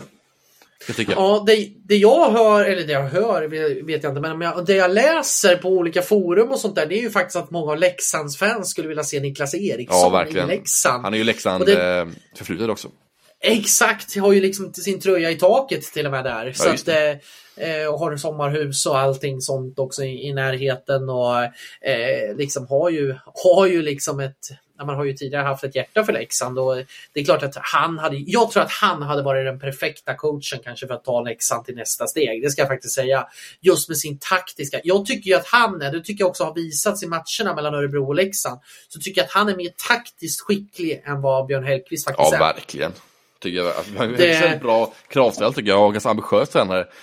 Men spelmässigt det är hans starka sida kanske. Det är ju, han är lite som Fagervall kan jag tycka ibland. Lite sitt agerande och liksom sitt ledarskap. Liksom att han är väldigt ambitiös och driven på träningarna och på matcher och sånt. Men han, just att taktiska delen inte hans specifika kanske att få ut taktiska delen och hitta liksom, nya spelsätt och hitta nya han ser inte som att han scoutar så mycket, eller han känns som han som verkligen eh, går på insikt mycket mer och han känns inte som att han analyserar lika mycket som ja, med Eriksson, Filander, som sitter och nördar ner sig i flera timmar liksom, på sitt spel. Hur man ska utveckla spelet med nya tillvägagångssätt för att kunna hitta nya sätt att spela sig på och spela sig ut situationen och kunna hitta nya sätt att kunna liksom, göra mål på. Men det känns som att Hellkvist så, han saknar just det där, det känns som att han liksom, hittar något nytt där riktigt i sitt spel. Nej men för det tycker jag också, liksom, som du säger, Niklas Eriksson, Martin Förlander, Robert Olsson ja, tycker Robert jag också, också ja. känns extremt liksom. De, de, känns så, jag ska inte säga nördiga, men de känns liksom så liksom pålästa på allting, förberedelser, har liksom fokus och lägger liksom aldrig något fokus nästintill på saker och ting som händer utanför. Alltså ja, domare verkligen. och allting sånt. Utan bara fokus på det som faktiskt sker på isen. Hur ser det här ut? Hur spelade de? Vad gjorde de? Alltså, allting sånt, både utanför efter eget lag och även andra lag. Perfekt liksom så. Jag tror att det, Leksand hade varit en match made in heaven faktiskt med Niklas Eriksson. Nu tror jag inte att det blir så genom att man faktiskt sitter med kontrakt. Men däremot kommer inte Björn Hel eller kommer inte Leksand på topp 10, då är det nog dags att börja göra någonting. Ja, eller om vi play-in så är det också något tack och hej för Hellkvist ja. och hans mannar. Ja, nej, det, det är för dåligt tycker jag. Man borde kunna få ut mer av den här truppen. Det är den truppen som jag tycker man absolut kan få ut eh, mycket, mycket mer. Alltså mest mer i, i eh, än vad man får ut här. Det är, det är en besvikelse. Det är årets besvikelse hittills. Yes, och eh, Robert Olsson är en tränare som eh, av den högre kalibern i SHL och han eh, rattar ju Skellefteå AIK och Skellefteå AIK har en viss två förluster den veckan. Man eh, vann mot Hockeyett i tisdags med 7-2. Man torskade eh, mot Oskarshamn i torsdags med 3-1 och sen torskade mot Linköping i lördags i en målfest där med 7-4 då och eh, Ja, man hade ju 16 raka vinster där, men sen torskade man sin 17, när man hade chans att vinna 17 raka vinster, då torskade man mot Oskarshamn då i torsdags. Och den rekordsviten blev därmed bruten för Skellefteås del. Ja, jag, jag, jag, tror inte att det gjorde så mycket faktiskt för Skellefteå, för man Nej. är så må, välmående i alla fall. Alltså det, det, vi får ju backa tillbaka. Man tangerade alltså Färjestads rekord. Jag tror att det är från säsongen, är det inte 2001-2002 eller något sånt där? Det kan stämma. Alltså, man får ju gå tillbaka så långt. Liksom. 16 raka segrar. Alltså, det är helt sjuk siffra. Det är helt, helt sjuk siffra. Ja, det är väldigt bra faktiskt gjort. Um, och, det är ju, och då ska man säga att Skellefteå, Skellefteå leder ju faktiskt inte ens serien med den tabellen. Va? eh, för att vi har ett annat lag som, inte, som är från Småland som leder serien med fem poäng upp. Nej, och det är alltså, inte HV då? Är, exakt ja, det är inte HV. Nej, exakt ja. Och det är inte Nybro Vikings heller. Det, det, kan, vi, det kan vi lugnt säga. Nej men alltså, eh, jag, jag, tycker att eh, det är eh, jag tycker ändå att det, det känns som att eh, Skellefteå ändå bara pumpar på. Det känns harmoniskt, det känns, eh, känns eh, man får upp spelare. En sån som eh, eh, Axel Sarin Pellik har ju dessutom varit på JVM nu till exempel. Eh, man har haft spelare borta, men det känns som att man ändå hittar ett sätt hela tiden. Och framförallt Linus Söderström, vilken jädra keeper alltså. Det måste jag säga. Verkligen, och man har gjort flest mål i ligan, Skellefteå gjort. Måste bli en tredje minst mål i hela ligan också. Det är också imponerade och 33 plus i hela ligan också. Alltså bäst plus minus i hela ligan också, Skellefteå. Um, ja, ja, det är väldigt under mycket säsongen, bra. Där sa du någonting bra, att man har släppt in tredje minst mål eller tredje färst mål i, i ligan. Mm. För i början av säsongen kommer jag ihåg att matcherna var nästan till galna. Man gjorde oh. väldigt mycket mål, men man släppte också in väldigt mycket mål. Eh, Lindvall hackade lite också i, i sitt spel, nu blir han borta säsongen ut. Eh, men sen liksom Linus Söderström har tagit den här första spaden så har man också börjat bli mer tillknäppta i egen zon. Man har ett bra målvaktsspel och äh, man, är, man är ett förbannat bra hockeylag, det måste jag faktiskt säga. Och, äh, det är roligt att se Skellefteå spela hockey. Så att, äh, det rullar på upp i Västerbotten. Mm, man lånar också in Kalmhose-målvakten Jonathan Stålberg här i torsdags inför Moskva-matchen då på bänken. frågan är hur man ska göra med målsidan just nu, om man ska vara in en målvakt till eller om man ska köpa Hällemo som andra målvakt eller hur man ska göra det egentligen. Det blir intressant Ja. att följa här lite. För Lindvall är borta säsongen ut sagt, man har ju Söderström som är ju briljant, så har man ju Hällemo som varit ändå helt okej i vissa matcher. Så det är dock i sju mål mot Linköping med torsk, eller i lördags gjorde han kanske så, men ändå, ändå en stabil mål tycker jag så, att ta sin noll och sånt. Så det är frågan om man väljer Jo, att göra där. Dess, dessutom är det ju lite, Hellemo har ju varit utlånad till Västerås va, under säsongen här nu Ja, också. Så att det är de senaste veckorna. Ja, så det är ju frågan där hur, hur ska man, hur ska man liksom ta den? Alltså, jag kan ju tycka att en målvakt i Hellemos ålder skulle behöva stå matcher. Så jag Mm. tycker egentligen kanske man kanske ska ta in en typ av, jag ska inte säga etablerad målvakt, för det tycker jag inte behövs. Men lite som Malmö har gjort nu med... Eh, Maxwell, Ja, Brandon Maxwell. Ja, bara någon som kanske är, är liksom A-lagsmässig men som inte kan, kan liksom konkurrera på det sättet. För, för, för Söderström ska vara den klara ettan nu. Det tycker jag definitivt. Det, så ska man ha det. Liksom. Eh, men det är klart att det blir, ju- det blir en intressant fråga för att det är klart Söderström är ju lite skadebenägen också och, har ju varit en del sjuk också under säsongen och sådär Mm. det kan man göra att man, att man blir lite sårbara. Så att man, man skulle egentligen kanske behöva stärka upp med men ett ordinarie A-lagsnamn kanske. Ja, och frågan är, och Lindvall är tillbaka i slutspelet tror jag, om jag inte minns helt fel.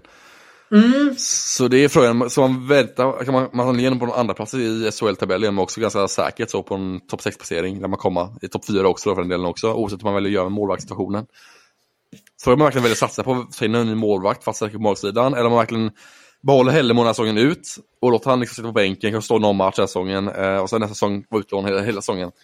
För det är bra för att han får få lite erfarenhet nu detta året. Det är bara ett halvår kvar detta året också, så det är inte jättemycket tid ändå utöver, om han super utlån också. Det är bara 20 matcher kvar att spela som sagt. Eh, ja, 25 tror jag allsvenskan någonting. Och så har man kanske kvar att spelare i någon liga i Sverige, så det kanske blir svårt någon att kunna få en liksom, etablerad på sikt då, i den, den här säsongen för Hällemos del, när det står mycket matcher i rad och sånt. Så kanske man ska vänta lite med Hällemo utlåning där, att han ska, ska stå, ja, vara annorlunda nu i Skellefteå medan Lindvall borta nu den här säsongen ut och sen kanske man ska låna ut den nästa säsong, eh, hela säsongen ut till ett hockeyssvenskt lag. Ja, jag, alltså, jag tror inte att det är, att det är någon liksom större bekymmer så. Liksom. Jag tror ändå att man löser det på ett ganska så bra sätt. Det tror Eller det blir lite som Hildeby i Eh. Färjestad kan jag tänka mig. Hildeby kom in i sista säsongen också. Blev målvakt i Färjestad. Säsongen därpå blev han andra målvakt från start. Eller blev liksom en av två målvakter direkt. Kanske samma sak nu med Hällemo. Kanske blir så nu i nästa säsong att eh, Söderström drar kanske NHL och så blir det Lindvall och Hällemo stannar kvar som ett målvaktspar nästa säsong. Får vi se lite vad som händer. Ja, jag tycker att han har ändå visat att han håller på en, på en elithockeynivå. Alltså, Mm, det tycker jag jag, tycker definitivt i de matcherna han har gjort. Jag tycker att han har varit riktigt, riktigt bra. Framförallt den debuten han gjorde. Eh, så att jag, jag tycker definitivt att jag ser inga, inte några större be- bekymmer där. Liksom. Det är att Söderström kanske är lite mer skadebenägen och har haft lite, lite sjukdomar och så. Det är väl den enda där akilleshälen jag kan tycka. Men annars, som du säger, Skellefteås eh, topp 6-placering, den är ju redan säkrad. Det ska Ja. ju till ett eh, ras av monumentala fall om de ska tappa det här. Liksom. Ja, de har vad de 59 poäng. Ja, 61 poäng har 60, Skellefteå. 65. Mm. Man måste tappa, måste få ja, detta, fyra, det är alltså 14 poäng för att tappa sin topp 6-placering. Ja, och vad är det, 20 matcher? Det är Ja. ju... Ja, det, Nej, det händer inte. Det händer inte. Vi kan liksom säkra så, Rögle måste vinna fem matcher mer än vad Skellefteå gör de sista 20 matcherna. Nej, det gör de ju inte. Nej. Det gör de ju inte. Och dessutom ska de ju möta varandra också. Så nej, nej, nej, nej, nej. Det, det gör de definitivt inte. Eh, det kan jag redan, redan spika. Så de kommer vara ett topp 6-lag. Absolut. Det är, det är ingen fråga. Och jag tror att man till och med kommer vara bättre än så. Sen är det ju frågan om liksom, vad blir man med? Blir det topp 3? Blir det topp 4? Blir det topp 5? Ja, eh, Frölunda har fått upp ångorna. Jag tycker ändå att, att det är Växjö och Skellefteå som jag tycker spelar den bästa hockeyn. Det tycker jag. Eh, översett till alla lag. Jag tycker att det, det är de två lagen som känns mest kompletta. Absolut. Jag tycker att tabell, Verkligen. tabellen visar rätt. Och frågan om det blir eh, slutspel även i Östergötland i år, för Linköping ligger just nu på nionde plats i SHL. Eh, och den veckan har man alltså två vinster, en förlust i Östergötska laget där i Linköping. Eh, man torskade mot Brynäs i tisdags med 4-3 efter overtime, bortaplan där, och så vann mot Malmö med 2-0 hemplan i torsdags. Man vann även mot Skellefteå hemplan i lördags med 7-4 efter stark insats där av Linköping och även Max Ljung var väldigt bra den matchen mot Skellefteå i lördags då som sagt. Men ja, Linköping har en väldigt bra vecka från bak Linköping här med en overtime-torsk och sen har man två raka vinster torsdag, lördag. Ja, men det, jag tycker att det känns som att Linköping verkligen har börjat fått upp ångorna nu. Alltså eh, röken skiner över det tekniska verket därifrån Lars Winnerbäcks hemstad. Nej, men jag tycker att det, det, det känns, Linköping känns verkligen heta nu. Då ska man dessutom säga att på de sjunde, sju senaste matcherna, de har gjort 24 mål. Eh, jag tycker man har fått igång spelet på ett helt annat sätt. Man har fått igång spelare på ett helt annat sätt. Man har fått igång linjer i sitt spel. Jag tycker att det är nu man börjar se de här lite förändringarna som Claes Östman har, har talat om tidigare. Jag tycker att nu börjar det verkligen visa sig poäng kolumnen också. Det ser kanske inte alltid glimrande ut, men man har blivit bättre på att kunna ta poäng på ett helt annat sätt. Mm. Tålamod och kontinuitet, det är det som gäller i mm. när man har hållit i för det mesta kedjorna var ganska lika under säsongen här. Även om man liksom torskade på försäsongen väldigt mycket och liksom hade en dålig innan så har man hållit i en kontinuitet i sin hierarki. Man har haft liksom tydliga hierarki med fyra olika kedjor och en ganska så likadana kedjor också under hela säsongen. Här. Man har haft liksom Jung och Ratty i samma kedja för det mesta. Eh, och så liksom ja, Maxwell och En och så mycket och så. Ja, det är någon man har hållit ihop kedjan på ett bra sätt tycker jag i Linköping och eh, vi ser vad resultatet nu tycker jag. Mm. Sen är det fler spelare som jag tycker har kommit igång. Patrik Russell har gjort 6 poäng på de senaste fyra matcherna. Eh, Vilmos Gallio har gjort, eh, har gjort 5 eh, poäng på de senaste fyra matcherna. Man har en ganska så stor utbredd pro produktion. Kristoffer En tycker jag också, mm. som vi har lyft här tidigare, tycker jag har varit jättebra under den senaste tiden. Oskar Fantenberg går in och levererar som vanligt. Liksom. Och sen har man ett stabilt, målvaktspar, stabilt målvaktsspel från, från Höberg. Så att jag tycker att det känns som att Linköping har ju dragit ifrån de här orosmolnen och kris. Jag tycker man aldrig har känt någon riktig krisstämpel nu riktigt heller. Utan man har liksom lyft det här laget nu och, och nu tror jag man nästan kan börja säga att Linköping kommer nog också spela i SHL nästa år. Det kan vi nog garantera också. För att ska de tappa det här, det är 35 ja, ja. poäng, det är ju liksom, det är ju 9 poäng ner till HV och det tror jag inte man... 11 poäng. Man, 11 poäng är det till och med, mm. så till och med. Och det är en ganska så bra buffert egentligen. Så att, eh, imponerad av hur Linköping, vi pratade lite om att Linköping kanske skulle vara ett kvallag, men jag tycker man har dragit förbi och jag tror till och med att eh, man kan vara ett eh, topp 8-lag här nu om du vill se väl. Mm, det blir tufft kamp där mittenlagen som sagt, det är väldigt jämnt där mittenlagen och så. Eh, men det är så 11 poäng från botten nu, känns att man ändå börjar dra ifrån lite nu och Håll måste alltså vinna fyra matcher mer än Linköping innan sista 20 matcherna nu också. Mm, jag ser nog inte att det kommer hända heller, att de gör det, HV. Um, ehm, Nej. Jag tror det blir, men det blir nog en slutspelsplats för Linköping i år och det tycker jag är godkänt för Linköpings del. Att man tar topp 10-placering, det är väldigt bra tycker jag. Det är ett steg i rätt riktning för Linköpings del, som organisation och som lag och så. Det är bra gjort. Abs absolut, och dessutom att man kan ha den här arbetsron nu också. Att man inte behöver spela med kniven mot strupen som det har varit under de senaste åren. Utan att man, man, ändå, man ändå är där. Sen har man en ganska så dålig plus minus om man tittar liksom sådana saker. Man mm. Men det börjar bli bättre tycker jag framöver. Det börjar bli bättre och bättre ja. tycker jag. Det börjar minska mer och mer här minusstatistiken. Så det är nog ja. man börjar fixa till lite också. Jag tycker man ser bättre ut defensivt nu också framförallt. Det är lite mer gedignare i sitt lag. Liksom. Väldigt gedigen backsida där och gediget defensivt spel. Så man behöver liksom mm utveckla det ännu mer tycker jag. och börja trappa ner på minstatistiken också. Att det börjar se bättre och bättre ut tycker jag. Man spelar ungefär som Brynäs gjorde förra året lite. Eh, lite alltså, man spelar cyniskt. Som, ja, man spelar som Brynäs vill spela, känns som Linköping gör. exakt, så här exakt. Så, så vill Brynäs spela egentligen, de kan inte göra det för de inte riktigt har fått allt klaffa. Lite så känns det just nu. Exakt, det är, det är ju lite av det här finska styrspelet egentligen. Exakt. Att man väljer att backa hem, att man väljer att styra, att man väljer att avvakta. Det har ju Linköping faktiskt lyckats med och man är jobbiga, man är, jobb, man är kompakta framför eget mål. Man har en Jonas Junland som har gått lite upp och ner i prestationsnivån men jag tycker ändå att, att, att man ändå har bra stabila backar som, som, som eh, på något sätt ligger till grunden för det här och spelar situationerna, det är lite mer sarg ut och så nej, jag tycker att det ser, ser, det ser bättre och bättre ut för lejonen från Östergötland. För klubben som sagt från Östergötland där. Och nästa lag ut är Luleå. Som har en vinst och förlust den här veckan. Man torskade mot Leksand i tisdags med 4-1. Man, torsk, eller man mot Timrå med uddamålet 1-2.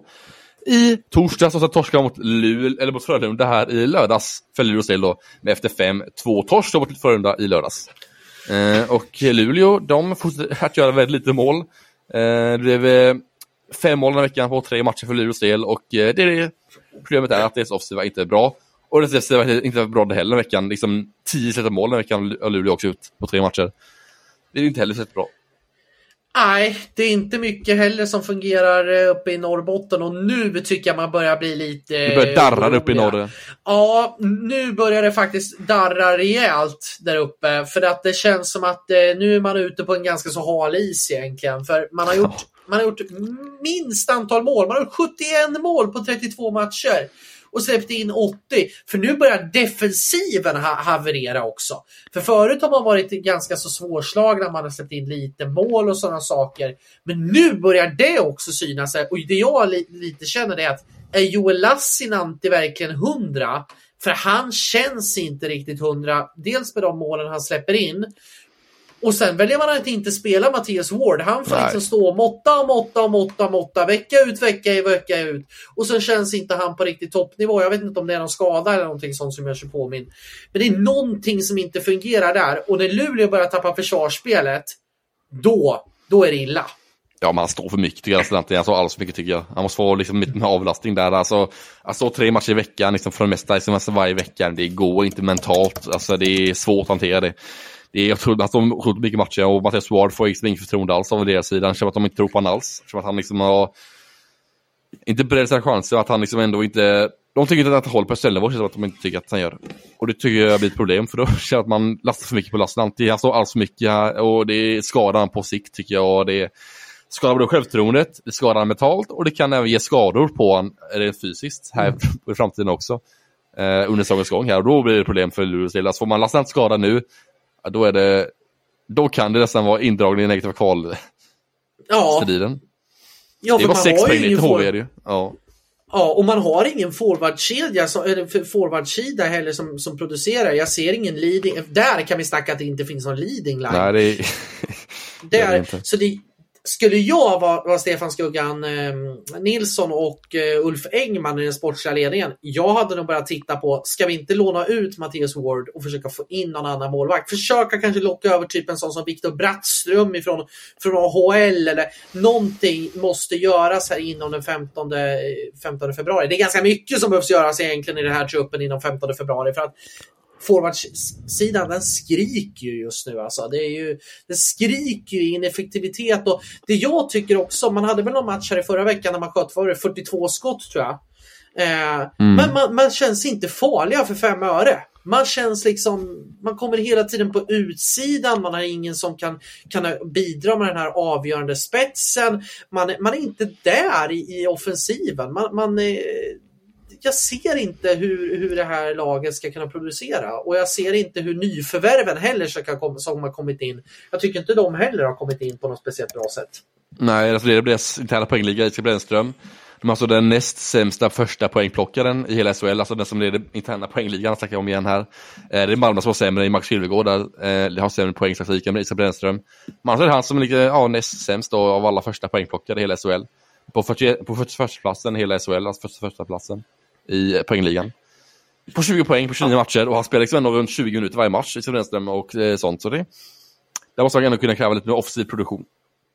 Ja, man har alltså på de fem senaste matcherna gjort 11 mål. Man har skjutit 138 skott på de matcherna. Man har alltså skotteffektivitet på 7,97. Det är... Nej, det är inte bra. Det kan vi lugnt sagt säga. Det, det, är inte alls bra. Och, och det jag är lite orolig för det är, det är liksom den underliggande statistiken ser inte bra ut. Det känns som att det inte klaffar. Det känns frustrerat. Eh, så att jag vet, vet inte alls. Jag tycker definitivt inte att Luleå ska vara på något sätt bekväma eller på något sätt eh, känna sig någon form av självsäkerhet för att kunna undvika ett kval. Nu tror jag inte att det blir så. För att det finns två, två, eller tre lag som är svagare i, i Brynäs, Malmö och eh, mm. HV. Men hade det inte funnits det, då hade Luleå varit så in i botten rejält. Alltså för att oh. det här är det här är riktigt och det, det jag tycker är hur kan man gå? Okej, okay, man tappade Pontus Andreasson och man tappade Linus Omark. Två enorma tapp. Men jag inte fattar, varför tog man inte in någonting? Alltså nu sitter man här med skägget i brevlådan fullständigt man hade ju spelare på marknaden i somras. Varför valde man inte att gå efter någonting? Varför, eh, varför har man bara avvaktat, avvaktat, och avvaktat och så får man in en Mario Kempe som blir liksom halvskadad eh, och inte kan, kan producera. Hur liksom har den sportsliga ledningen tänkt i Luleå? Ja, det är just det, man väntar, man gjorde felbedömning av marknaden i somras, man vill vänta, på alla nyförvärv och att man skulle få liksom spetsspelare. Man trodde att alltså, klubbans marknad i det här året, men det var det, det, var det tydligen inte. Det var en felbedömning där, gjorde man helt enkelt. Men det, jag tycker, man borde ge en, en man borde, man borde ringa till eh, San Jose Sharks, jag tycker man borde göra i Luleås del och åka hit Strauss Man till Luleå, tycker jag vore en klockren målsvärvning. Han är i SHL just nu och eh, ja, på läktaren i AHL till och med. Får knappt stå i SHL eller? Men, men får, han, eh, får han gå över? Hade inte han ett giltigt kontrakt med Skellefteå? Eller hade han bara ett mm, ettårskontrakt med Skellefteå? Nej, jag tror han ett ettårskontrakt med, med, med eh, Skellefteå. Han, han hade nog bara ett ettårs... Ja, det hade ju varit ett utmärkt namn. Det hade ju varit, alltså, alltså går det att lösa så, så är det ju, alltså, eh, så hade det varit ut, Ja, så klockrent. För han är perfekt komplement till uh, Lasse Dante. Kunde avlasta honom otroligt mycket. Mm. Ja, Nej, det, det hade ju varit den absoluta eh, klar Skellefteå. Vi ska se. Jag tror också att han är... ja, vi måste, uh, måste se här om han har... För...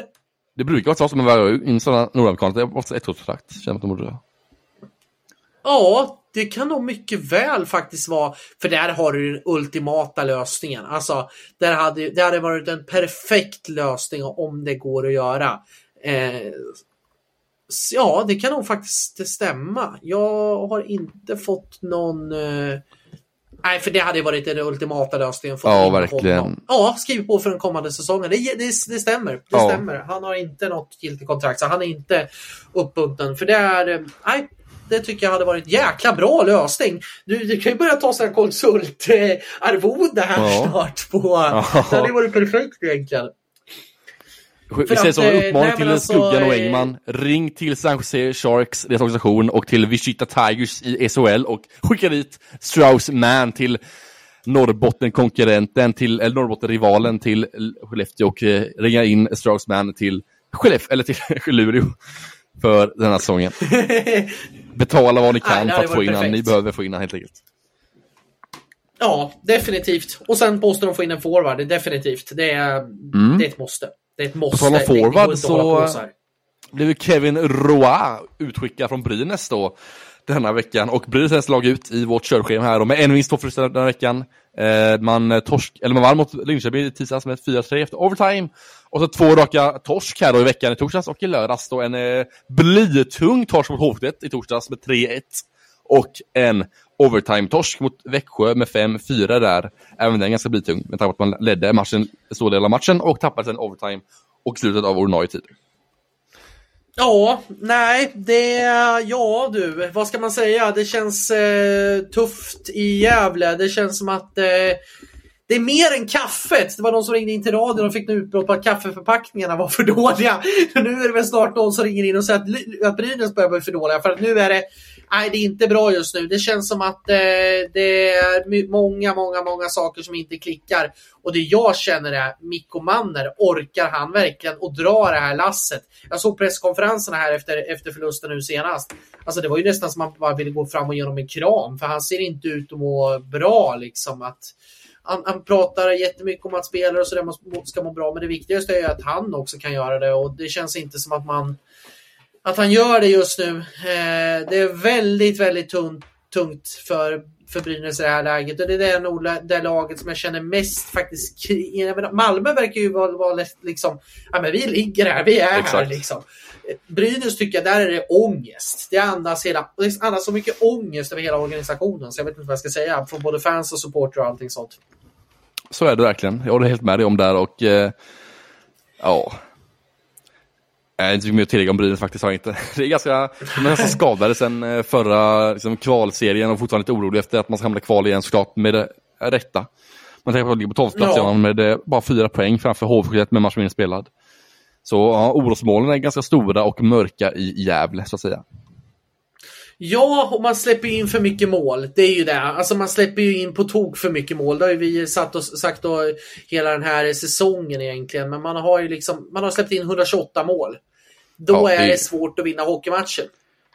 Det kan man lugnt säga. Alltså 128 mål, det är otroligt mycket.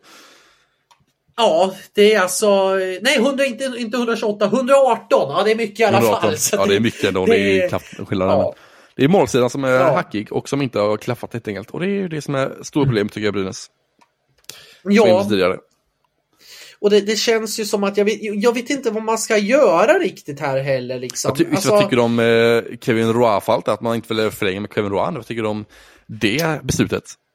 Lite märkligt, för jag tycker faktiskt han har varit ganska bra under de matcherna han har spelat. Det är ju ingen poängspelare, det är ju ingen som går in och liksom ska vara... Men det, det, det är väl det att det finns väl lite för så ganska många många spelare som är i ungefär den kategorin i det här laget så han kan ju inte tillföra något riktigt extra men jag tycker ändå att han var, han var en kropp som fyllde. Sen tycker jag inte att han hade de spetsegenskaperna som behövdes för att lyckas på SHL-nivå. Det tycker jag inte. Han gör, bara ett, han gör ett mål på sex matcher. Eh, det är ju inte riktigt kanske det Brynäs söker, men jag kan tänka mig att eh, kanske någon som skulle vara in en breddspelare, kanske någonting för Hockeyallsvenskan hade varit intressant kanske. Mm, men han lyfte där mot Timashov och Palve framförallt. Palve gjorde sex poäng på fem matcher med eh, Roa som kompis. Timashov gjorde ännu mer än så tror jag. Så han fick, igång, sina- han fick verkligen igång Timashov och Palve, så det blir intressant att se hur Palve och Timashov tar detta nu eh, efter han har lämnat nu. För han fick verkligen igång dem eh, poängmässigt och målmässigt också, så han har verkligen lyft Brynäs offensiv. Inte sig själv kanske han inte gjort mycket poäng, men han har verkligen lyft de andra spelarna runt om sig i Brynäs. Med tanke på att han är, han är snabb tycker jag, energisk, tar sig in på kassen, gör ett bra jobb tycker jag offensivt och ja, vi säger sju poäng fem matcher har alltså Timashov gjort, 10 på 10. Eh, sen Ja, det är ju ruskigt bra statistik. Mm, så Ja, och jag Roa har fått spela sin omgivning att lyfta säger. Så det ska bli kul att följa Brynäs nu framöver Ja. och kolla hur Timashov och Palve agerar nu efter man skickat iväg Roa. Verkligen, och de- dessutom är man ju en forward fri, eller fattigare här nu också på, Mm. på Ströming ganska kom in nu från FDJV. Ja, just det. Från JVM i och för sig. Men, men eh, liksom en etablerad forward tycker man blir Mm, ja, eh, fattigare. För jag tycker att han ändå visade direkt och jag tycker definitivt att jag hade definitivt inte protesterat om man skulle ha förlängt med honom. Nej, inte definitivt heller, verkligen Jag inte. tycker- Snarare tvärtom. Sen, sen, sen ska man ju inte säga att det är någon spelare som ska gå in och göra liksom massor av poäng. Men, men eh, en spelare som kan komma in för en ganska billig peng. Och det känns som att jag, jag ser en ganska så otydlighet. Och jag känner också kanske att Johan Alsen fortfarande famlar väldigt mycket i mörkret. Eh, det känns som att man inte riktigt hittar någonting och det känns som att ja, men man tar in en sån här spelare på tryout. Även om man gör det ganska så bra så väljer man att inte fortsätta. Jag tycker att det känns för mycket saker och ting som, som är för otydliga i, ja, men i hela Brynäs organisation egentligen från och med nu. Jag tycker han känns väldigt osäker i sitt agerande tycker jag allt han har gjort. Liksom han har varit in liksom, de här spelarna under säsongen och eh, fått in liksom, ja men Roa, hur gör man? Ja, vi tar tryout, får se lite vad som händer där. Ja, han gjorde inte så bra poängmässigt för sig själv. Man var ändå bidragande i laget, men ändå så skickar vi iväg sen. Så det är lite osäkerhet tycker jag där kring Alsens agerande och eh, just hur man väljer att agera i sin rekryteringsprocess. Vet du vad jag skulle göra om jag var, om jag var Brynäs? Vet du vad jag skulle göra? I, eh, jag har en liten spaning här på Mm. Ja, jag ser det raka. på dig, du ser riktigt eh, taggad ut. laddat och funderat här. Jag Vet ser- du. jag ser Nej, det. jag har, jag, har, jag har två spaningar framförallt. Eh, det ryktas eh, om att eh, man har varit... Eh, vi kan ta en spaning kan vi göra. Vi kan behålla den andra kanske till nästa vecka. Eh, vi tar en spaning. Yes. Eh, och det är ju Niklas Johansson, sportchef för Örebro Hockey, lämnar Örebro Hockey idag faktiskt. Gör sin sista arbetsdag som sportchef för Örebro Hockey idag. Gå till Västerås. Han... Ja, ja, kanske. Han ska till Västerås. eller? Ja, det är klart tror jag. Det är klart redan nu. Ja, enligt. Mr Mad och Aftonbladet så är han klar för Västerås. Ja, då är det ju, då är det ju, då är det ju det. För annars tycker jag att det hade varit Ja. den eh, ultimata Men däremot- lösningen faktiskt. Däremot finns det en annan Johansson som man kan ta istället. Vet du vem det är? Lasse Johansson. Lasse Johansson kan man ta istället tycker jag till Brynäs. Han tror jag är klockren som sportchef. Eller som, assister, ja, som sportchef till Lasse, någon komplement där i general manager, sportchef, någonting sånt. Komplement till sportavdelningen. Ja, det tycker jag hade varit perfekt egentligen. Alltså fått in någon. Jag tycker egentligen att Alsen kan ta en biträdande roll. Lära tycker sig lite det. mer om Ja, organisationen. med. Och så få, få in en, en, en Lasse Johansson som faktiskt kan branschen, kan allting sånt. Jag tycker det hade varit perfekt. För någonting behöv, behöv, behövs hända i den sportsliga ledningen i Brynäs. För det känns som att man inte riktigt har, man har inte kravställandet på sig själva. Och man har inte truppen för det. Och där, man har inte riktigt kontakterna tycker jag heller för att lyckas med nyförvärven. Så att, nej, jag tycker definitivt det hade varit den ultimata lösningen. Verkligen, och du måste lämna Brynäs och gå vidare till nästa lag här. Och det är IK Oskarshamn då med tre vinster på tre matcher i veckan. En 3-1-vinst mot Malmö i tisdags och en 3-1-vinst mot Skellefteå i torsdags och en 4-2-vinst mot Leksand då här i lördags efter Karlskrona hade show där i Dalarna och i Tegera. Eh, en bra vecka hos Oskarshamn såklart. Man har hållit ner siffrorna lite både bakåt och framåt eh, på ett bra sätt. Man har släppt in fyra mål på tre matcher har mot den här veckan. Mycket såklart Tim Hughes förtjänst som har stått alla tre matcher den här veckan och gjort väldigt, väldigt bra. Eh, en av bästa spelarna i hela SHL den här veckan tycker jag. Eh, en av de hetaste av alla i hela SHL sagt. Gjort en väldigt, väldigt bra hade sedan 98 träningsprocent här mot Malmö i tisdags och hade nästan lika, likadant mot Skellefteå i torsdags och mot Leksand också. Briljant tycker jag. Där. Väldigt lugn och trygg och en otroligt, otroligt bra målvakt på SHL-nivå. Jag tycker det är jättekonstigt att han har ryktats till andra klubbar här nu inför nästa säsong. För jag tycker han har varit jättebra. Jag tycker Juel verkligen levererar och tycker jag mm. faktiskt ibland har överglänst Canetta faktiskt. Ja, jag tycker jag också. att han är bättre ja. i sin... Han, han tycker han har högre högstnivå än Canetta tycker jag. Mm.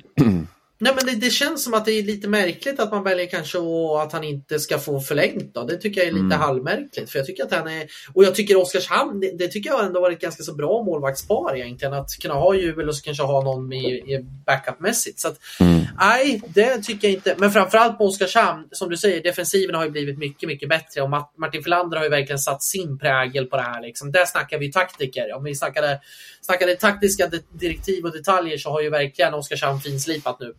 Verkligen, men också med Jubel, han vill ju han vill inte vara kvar sen, han vill, till, han vill hemåt till Svenstavik där han bor i Östersund. Så han därför vill han Timrå istället. Han bor ju liksom nära, nära Sundsvall och sånt. Familjen är borta ja. så det är därför han flyttar. Oskarshamn ska vi också tillägga här. Så inget får några sura kommentarer av Oskarshamnssupporten här. Utan det är inte det är Jubel som vill lämna och inte, inte... och inte tvärtom. Ja men då är det, men i alla fall, helt Ja, Förståeligt. Filander, alltså vilken, alltså vilken coach, vilken utveckling på detta lag. Alltså den defensiven har gjort till liksom, det är som en mur. Man frågar kanske undra om Luleå och sen har bytt backar. det känns som det nästan. Alltså... Engesund har agerat som, har agerat som konsult här, inside konsult liksom. Nej men alltså det är ja, det otroligt. Det är en riktig mur där bak alltså. Nu, alltså man ser verkligen en annan, en annan glöd i laget nu. Alltså en fjärdekedja som verkligen levererar, alltså det hårda jobbet framförallt. Inte poängmässigt, men de ska det, det hårda jobbet. Det har de inte gjort tidigare tycker jag inte. De var väldigt eh, bekväm med sitt spel och gjort det hårda jobbet. Men nu är verkligen Dahlström, Jonsson och Engström verkligen lyft sig rejält efter, efter julen helt enkelt, efter nya året. Alltså, de jobbar riktigt hårt och verkligen vinner mycket närkamp och skapar bra tryck i, i offensiv zon. Och, eh, ja, men de har verkligen gjort mycket, mycket bättre nu efter det är samma vill se dem. Liksom, som, de har liksom sin bästa form nu, ska jag säga. Det är samma vill se dem. Liksom. Det är så här, så, när de är som bäst så är de så här. Liksom. Så man spelar så här på det sättet man gör nu de är som bäst. Och då har man verkligen nytta av dem. De är en av de bästa fjärrkedjorna i SHL skulle jag säga. Eh, det hårda jobbet, det är kemin allsammans och hur de hittar varandra på ett bra sätt och de liksom känner varandra på det på utvisen. Och, ja, det är väldigt bra kemi mellan dem, tycker jag.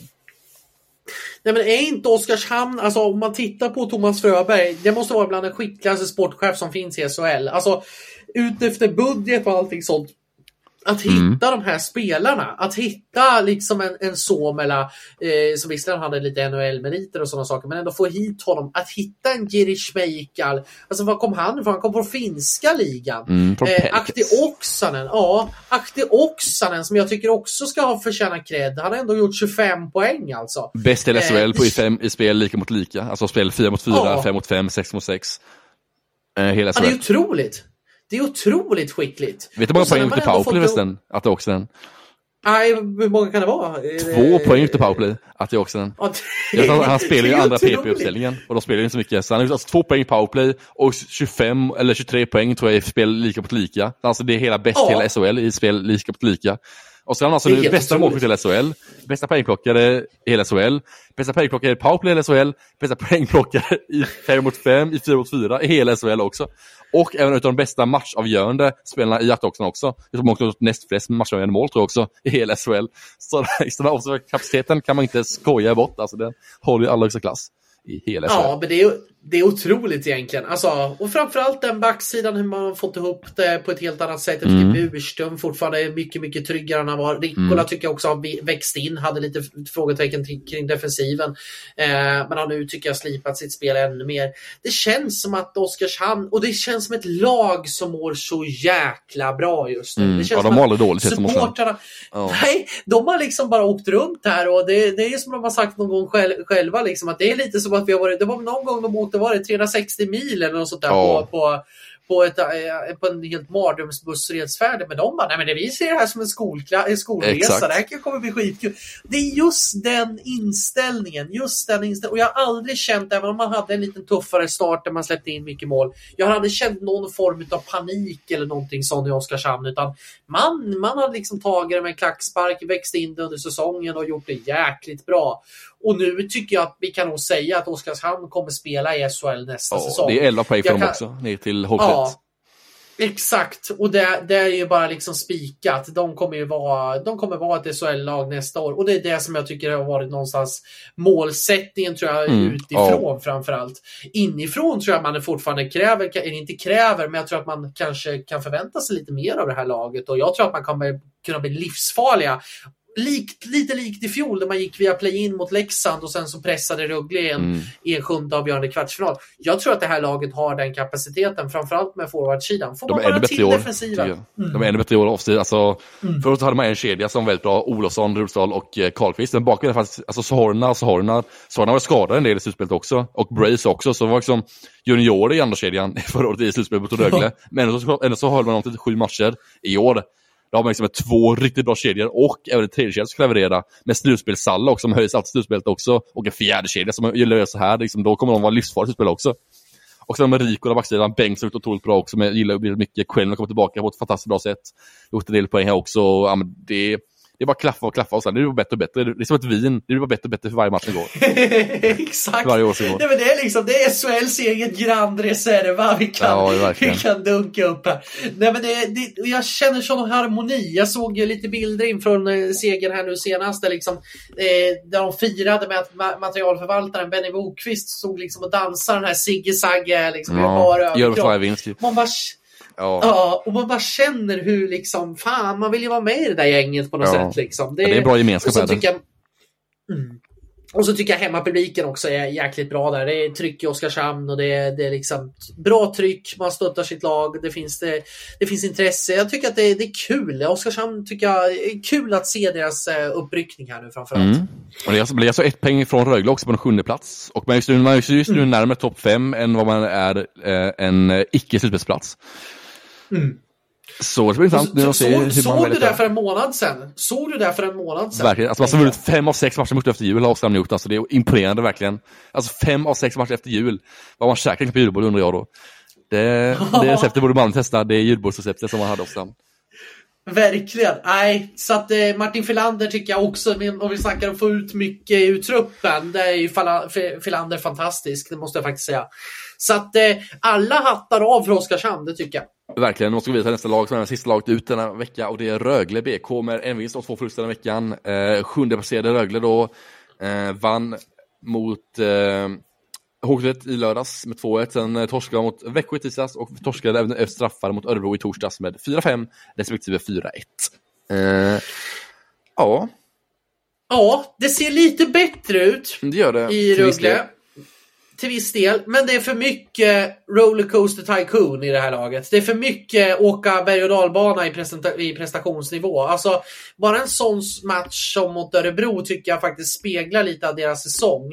Man gör stundtals väldigt bra grejer, man spelar väldigt bra, man har en hög, hög eh, nivå stundtals. Men så kommer de här liksom svackorna när man bara går ner sig. Och jag ser inte riktigt den här karaktären. Jag ser inte den här stabiliteten som jag tidigare sett i, i Rögle de tidigare säsongerna. Så att ja, det har sett bättre ut och man har ju liksom sig från det här kvalhotet är det ju definitivt ingenting Mm. sånt. För man var ju riktigt illa där ute ett tag. Ja, verkligen. Det har man ju blåst bort. Men man är ju fortfarande, tycker jag, för dåliga för att vara topp 6-lag faktiskt. Ja, just nu tycker jag man är det. Mm. Man får igång mycket spel, tycker jag. Daniel Saar kom igång på sistone. Ståle Dönäs, Lugh Larsson är bra. Adam Tolini gör ett poäng, poäng match. Adam Tolini också gjort 15 mål nästa säsongen, Adam Tolini. Det är väldigt imponerande också. för att Han var ju inte så bra i början heller.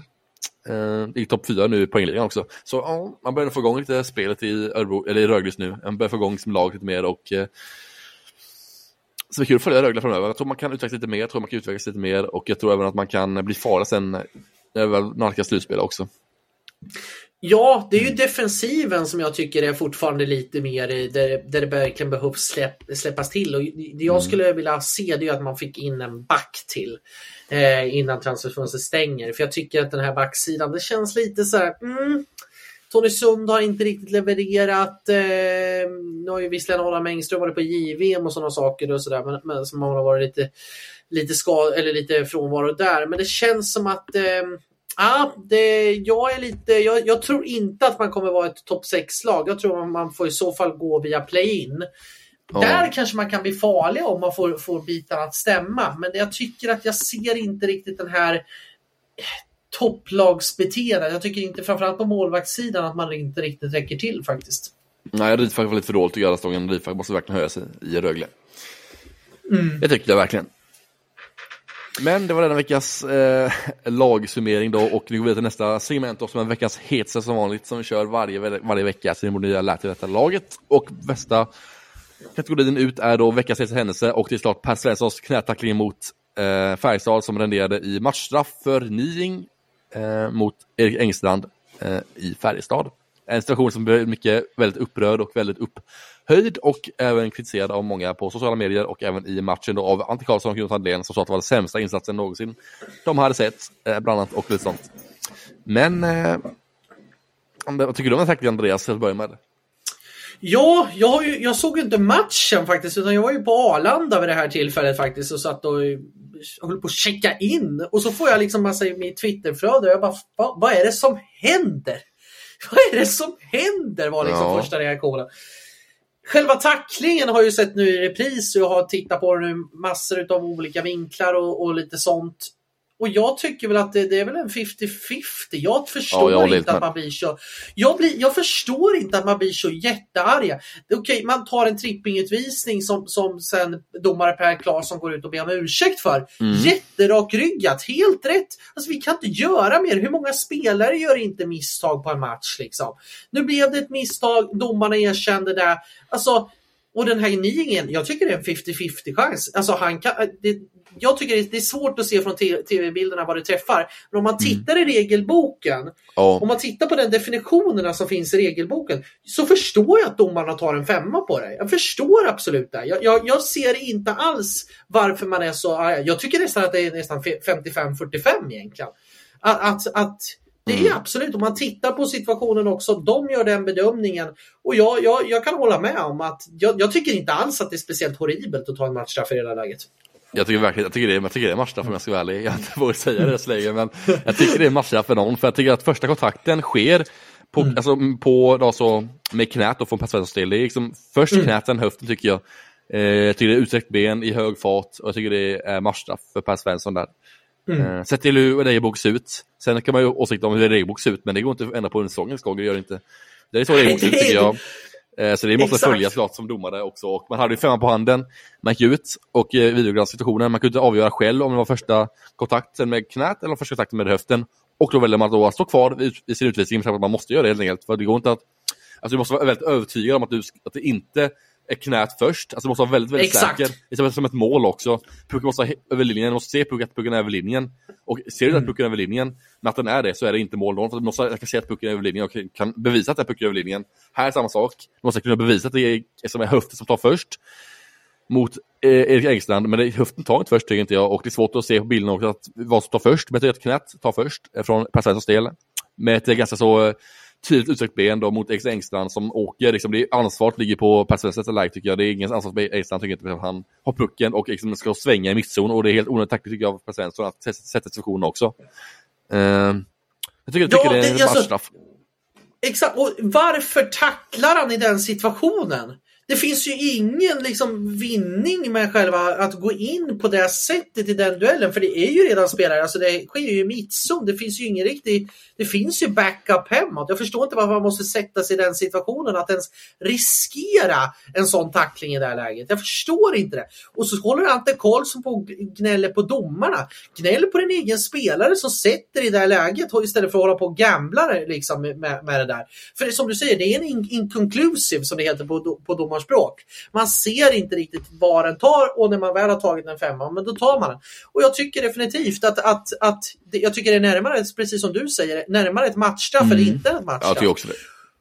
Och sen måste vi, ursäkta nu, nu, nu, nu, nu kommer jag lacka ur här nu igen, men, men alltså vad, vad, ursäkta, nu var det nära svordomar här, men vad håller supportrar på med där ute? Vad håller supportrar på med där ute? Det, alltså, vad är det för ord vi använder på sociala medier? Människor som håller på och bara ska trycka ner folk hit och dit och domarna är sämst och det är så jävla dåligt och allting. Snälla sluta nu, nu får det vara nog. Ni är ju för fan, ni är som barn på Leos lekland. Det är gap och skrik hela tiden.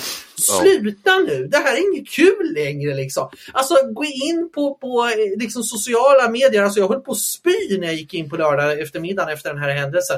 Hur Per Claesson ska behöva ta den här skiten?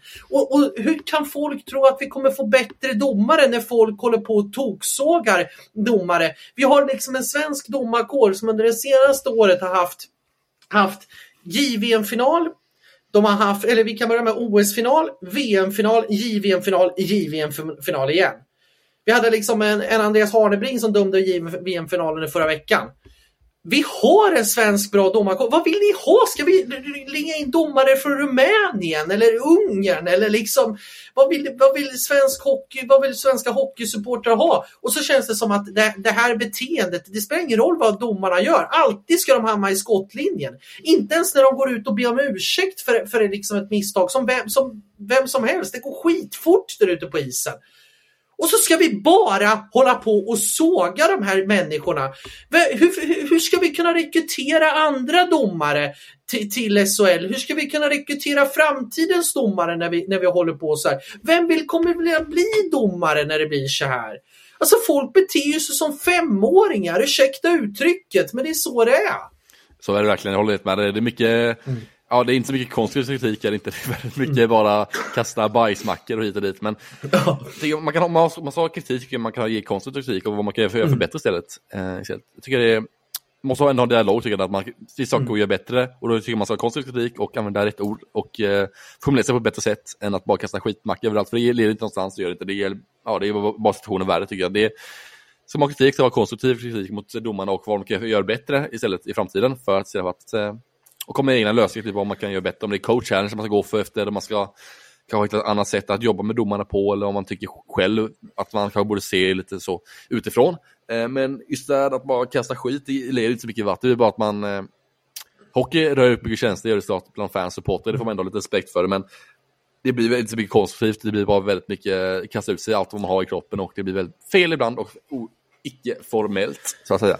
Så det, ja, ja, det kan man undvika. För det jag känner, nu ska vi inte fastna i det här ämnet för mycket, men det jag känner det är så här att vi har idag vi har ungefär, jag såg uppgifter från Tobias Stark som jobbar på, jag tror han jobbar på universitetet i Linnéuniversitetet i Växjö som har den här eh, ishockey, kultur och samhälle, eh, universitetsutbildning man kan gå. Han är högsta lärare där. Eh, han skrev för, för tidigare i höstas att vi har alltså ungefär 20 domare eller domaransvariga som idag får polisbeskydd. Alltså vi snackar polisbeskydd för att hatbilden och hotbilden mot dem och deras familjer är så pass hög. Hur, var, var har vi hamnat då? Var har vi hamnat i sporten? Det är ju inte sport då. Vi, sporten är ju till för att vi ska glädjas, ha gemenskap, ha, ha allting sånt. Men när vi har de här, när vi kommer upp på de här sakerna och, och, och vi har liksom 20 domare och domaransvariga som måste ha polisbeskydd. Då är vi så jäkla fel ute. Och det jag också tycker är att man, kan, man ska kritisera och kritisera och kritisera. Folk måste också ta ansvar för vad de skriver med. Alltså de tror att domarna har, jag vet inte vad folk tror, men alltså egentligen skulle folk behöva sitta med på en pressläktare lite som jag har gjort faktiskt nu under de senaste åren. Där man ser till exempel Thomas Torsbrink som sitter hela tiden och lyssnar på domarnas dialoger. Det är jätteintressant. Jag har faktiskt suttit bredvid Torsbrink och, och eh, haft en nära dialog på vissa matcher om hur de arbetar. Hur han skriver ner situationer, hur han skriver ner på tal tal med varandra, på liksom samarbetsfunktioner. Och sen går de ner vid varje periodpaus och ger dem feedback. De ger feedback efter matchen, de ger feedback innan matchen. Allting sånt tittar de på. Alltså, hur, det är ju de som ska utveckla våra domare. Supportrar som inte ens... Hur många, hur många supportrar på Twitter har läst regelboken? Det skulle jag vilja vara väldigt intressant att, att se. Men istället ska supportrar hitta på massa egna grejer och tro att det är det. Nej, fy fan, ursäkta. Ja, det är kul. Domarfrågan på eh, Twitter hittar han ju ett Twitterkonto. Han grev sig här mm. vad han la ut situationer så här, vad som enligt regelboken mm. som är rätt och fel. Väldigt mycket, eller få som var rätt. Alltså i så här omröstningar, så här 40% sa det här, svarade det här, 20% svarade det här, 20% svarade det där. Och det är väldigt få som har rätt, oftast efter så här, ja, 15-20% som har rätt liksom, på varje fråga. Så, så ja. Men jag tycker vi lämnar det så. Ja, jag tror också det. Jag tror att det, det är det. det är det. Mycket kvar att gå igenom. Men jag vill säga en, en sista passning bara till, till det. Ja. Även det jag tycker folk där ute borde också respektera andras åsikter eh, när andra har åsikter om, om saker och ting och när man tittar försöker vara perspektiv. Inte kalla folk för mjukglassyken och sådana saker och försöka trycka ner folk för att det är i alla sammanhang. Du gynnas ingenting på det. Ingenting, Nej. det är bara fegt och lågt. Så jag tycker fan folk borde skärpa till sig där ute. Ursäkta uttrycket men jag är förbannad faktiskt på det här. Mm. Veckans lite spelare den veckan var Tim Juhl enligt mig då. Han var anledningen till att han vann tre matcher den veckan och eh, var en faktor till att man tog 9 av 9 poäng den veckan och var väldigt, väldigt bra i målet. Hade nästan 97% räddningsprocent den veckan tror jag också. Sett över alla tre matcher och var otroligt, otroligt bra. Yes. Verkligen, jättebra val. Eh, håller med dig fullt ut i det. Veckans tanke och fundering då har jag valt att eh, NJ lämnar ju Örebro nu för Västerås, eh, som nog ingen har missat här. Eh, och, eh, eller ja, Han eh, kommer förmodligen klar för Västerås här alldeles strax. Eh, och eh, jag har en känsla av att Örebro inte kommer ersätta NJ. Alltså, jag att Örebro tror mycket på Stefan Bengtzén, att han ska lösa det själv. Känner mycket att han kommer få understöd av typ Henrik Lövendal, när det är någon inifrån tror jag kommer få stöd av, men inte så mycket utifrån tror jag inte. Jag tror inte att det blir någon värvning alls för Örebros del i den sportsliga ledningen till. För att ersätta NJ tror man löser det internt i de man har i klubben. Med Henrik Lövendal och eh, Stefan Bengtzén kanske. Jag tror också på någon sån typ av lösning. Kanske att Lövdahl går in och tar, tar en, en sån roll eller någonting. Det tycker jag hade varit jätteintressant. Eh, en annan som skulle kunna vara, det är ju om man tar in en biträdande sportchef. Ungefär som eh, Frölunda har och även Luleå har väl det. Men assisterande eh, GM, ja, assisterande men, sportchef. Ja. Nå, någon sån roll och kanske det, det är bara frågan att jag har inget konkret namn vilk, vilken liksom Nej, alltså vem måste som skulle en... kunna ta en sån roll? Exakt, det måste vara en, spel, en sportchef som är ganska orutinerad för att få en sån roll, eller för att ha en sån roll. För kollar man på Lasse Johansson som är aktuell nu, han är ganska han måste ha mycket makt liksom, för att kunna styra en klubb och det får man inte få som assisterande, får man inte då. Man måste alltså kolla på en, en som inte är lika etablerad som han är, en som är lite underifrån typ. I så fall. Och det är svårt att hitta ja. sånt som inte kanske är liksom jätteetablerat, eller ett stort namn, eller lite mindre namn som kanske ska jobba sig uppåt på sikt och kanske bli, ta över till Bengtzén sen efter hans kontrakt går ut kanske. Och vara en sån liksom, som jobbar sig uppåt istället. En, ja, men en, en, sån som, en, en, person, hade vi varit ett år tillbaka, hade det här hänt för ett år sedan, vet du vad jag hade sagt då att man skulle göra då? Nu vet Nej. jag inte om den personen hade accepterat en sån roll, men det är Emil Geronsson i, i Södertälje, Georgsson i, mm. i, som ja, från Västervik. Det tror jag hade varit det ultimata namnet att få in på en sån position. Kanske ta ett eller två år och vara biträdande och sen, sen få växla upp. Det Verkligen. tror jag inte är aktuellt nu när han är i Södertälje. Det tror jag definitivt inte. Södertälje som är dessutom välfungerande, så det tror jag inte. Men, men något sånt, det, det ska ju vara ett upcoming namn, liksom. inte något... Ja, det är möjligtvis kan, kan, typ Karl Helmersson från, från BIK Skoga som inte blir kvar där. Skulle han vilja gå in i någon sportslig roll? Ja, ja jag vet annars, inte. Eh, som jag tycker borde kanske vara en sån det Låt höra. Frölunda-scouten, Patrik Hansen. Tycker ja. jag kan kliva in som en assisterande. Han tycker jag känner att han är redo för ett steg i sin karriär och ta en sportchefsroll. Och jag vet inte om man vill det nu eller inte. Man är scout Färjestad tycker jag. Eller han är Färjestad scout just nu. För om man vill ta en steg i karriären och tycker att det vore ett bra jobb. Eh, att ta en biträdande roll i Örebro som assisterande inte tränare, assisterande sportchef då. Eh, Bengtzén och hjälpa han lite där och scoutspelare för Bengtzén och även samtal lite däremellan. Lite större makt än vad han har Färjestad kanske. Så. Klockrent, klockrent! För han har ju även varit i... Ung och modern, tänkt också ett spelarens bäst och sånt. Exakt, han har ju varit tidigare i Djurgården. Exakt. Exakt. Perfekt namn var ju väldigt hyllad under, varit väldigt hyllad av Robert Olsson och sådana. Så att det tycker jag definitivt. Jäklar vilket bra namn du fick fram där. Mm. Det Då tycker jag var det ultimata. lyssnarfrågor kvar då innan vi avslutar denna veckas podd. Eh, och eh, ja, vi har fått en del lyssnarfrågor den här veckan, vilket är väldigt kul tycker jag. Eh, vi kan börja högst upp här då med en fråga från Jonny Gers som frågar då vilka givenspelare från Allsvenskan har det till sig SHL-anbud till denna eller nästa säsong? Eh, ja, vi ja, det förra veckan lite det- där med Ludvig Jansson till Frölunda tror jag. Ja. Att han kan dra till västkusten till Frölunda tror jag. Det passar perfekt tror jag på båda parter där. Ehm, Exakt. Carl Lindbom ryktas till Rögle också. Jag har sett att han ryktas vara aktuell för Rögle. Carl Lindbom från Djurgården, om Djurgården går upp.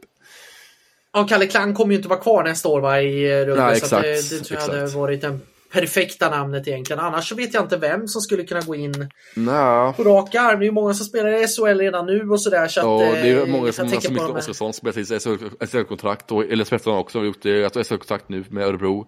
Har ju de Mm. spelat upp sig till. Eh, ja, sen är frågan, Filip Bystedt är ju etablerad och Leo Karlsson också på SHL-nivå så de har ju redan haft SHL-kontrakt. Var med Wagner också. Mm.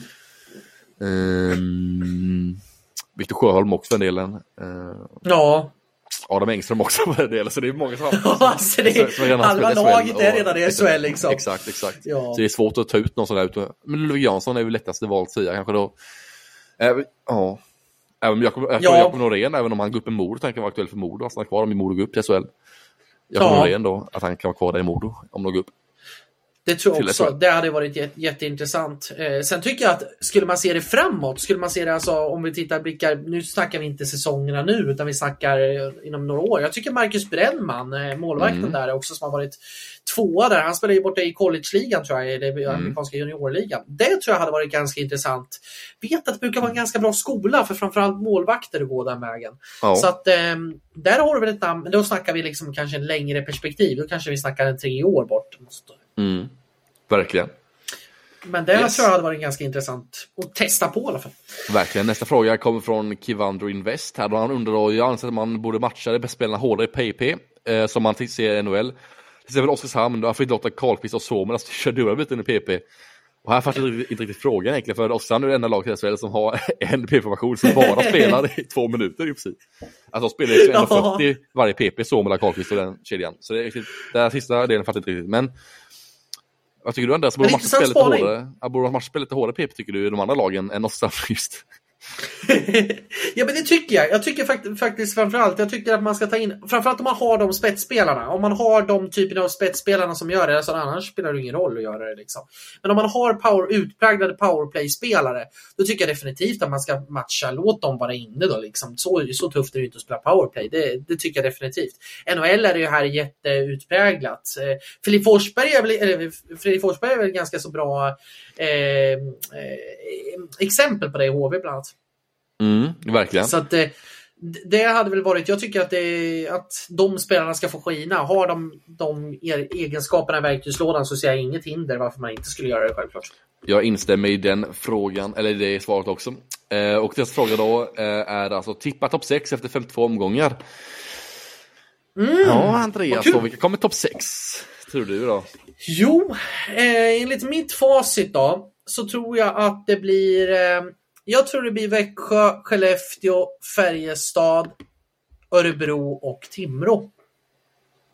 Tror jag faktiskt. Ja, Jag tror faktiskt jag att tror, det blir etta tror jag. Som det tror blir idag. Jag ser inte kanske att Rögle ska komma Växjö igång eh, Jag riktigt tror så bra. Oskarshamn tror jag inte Jag tror riktigt heller.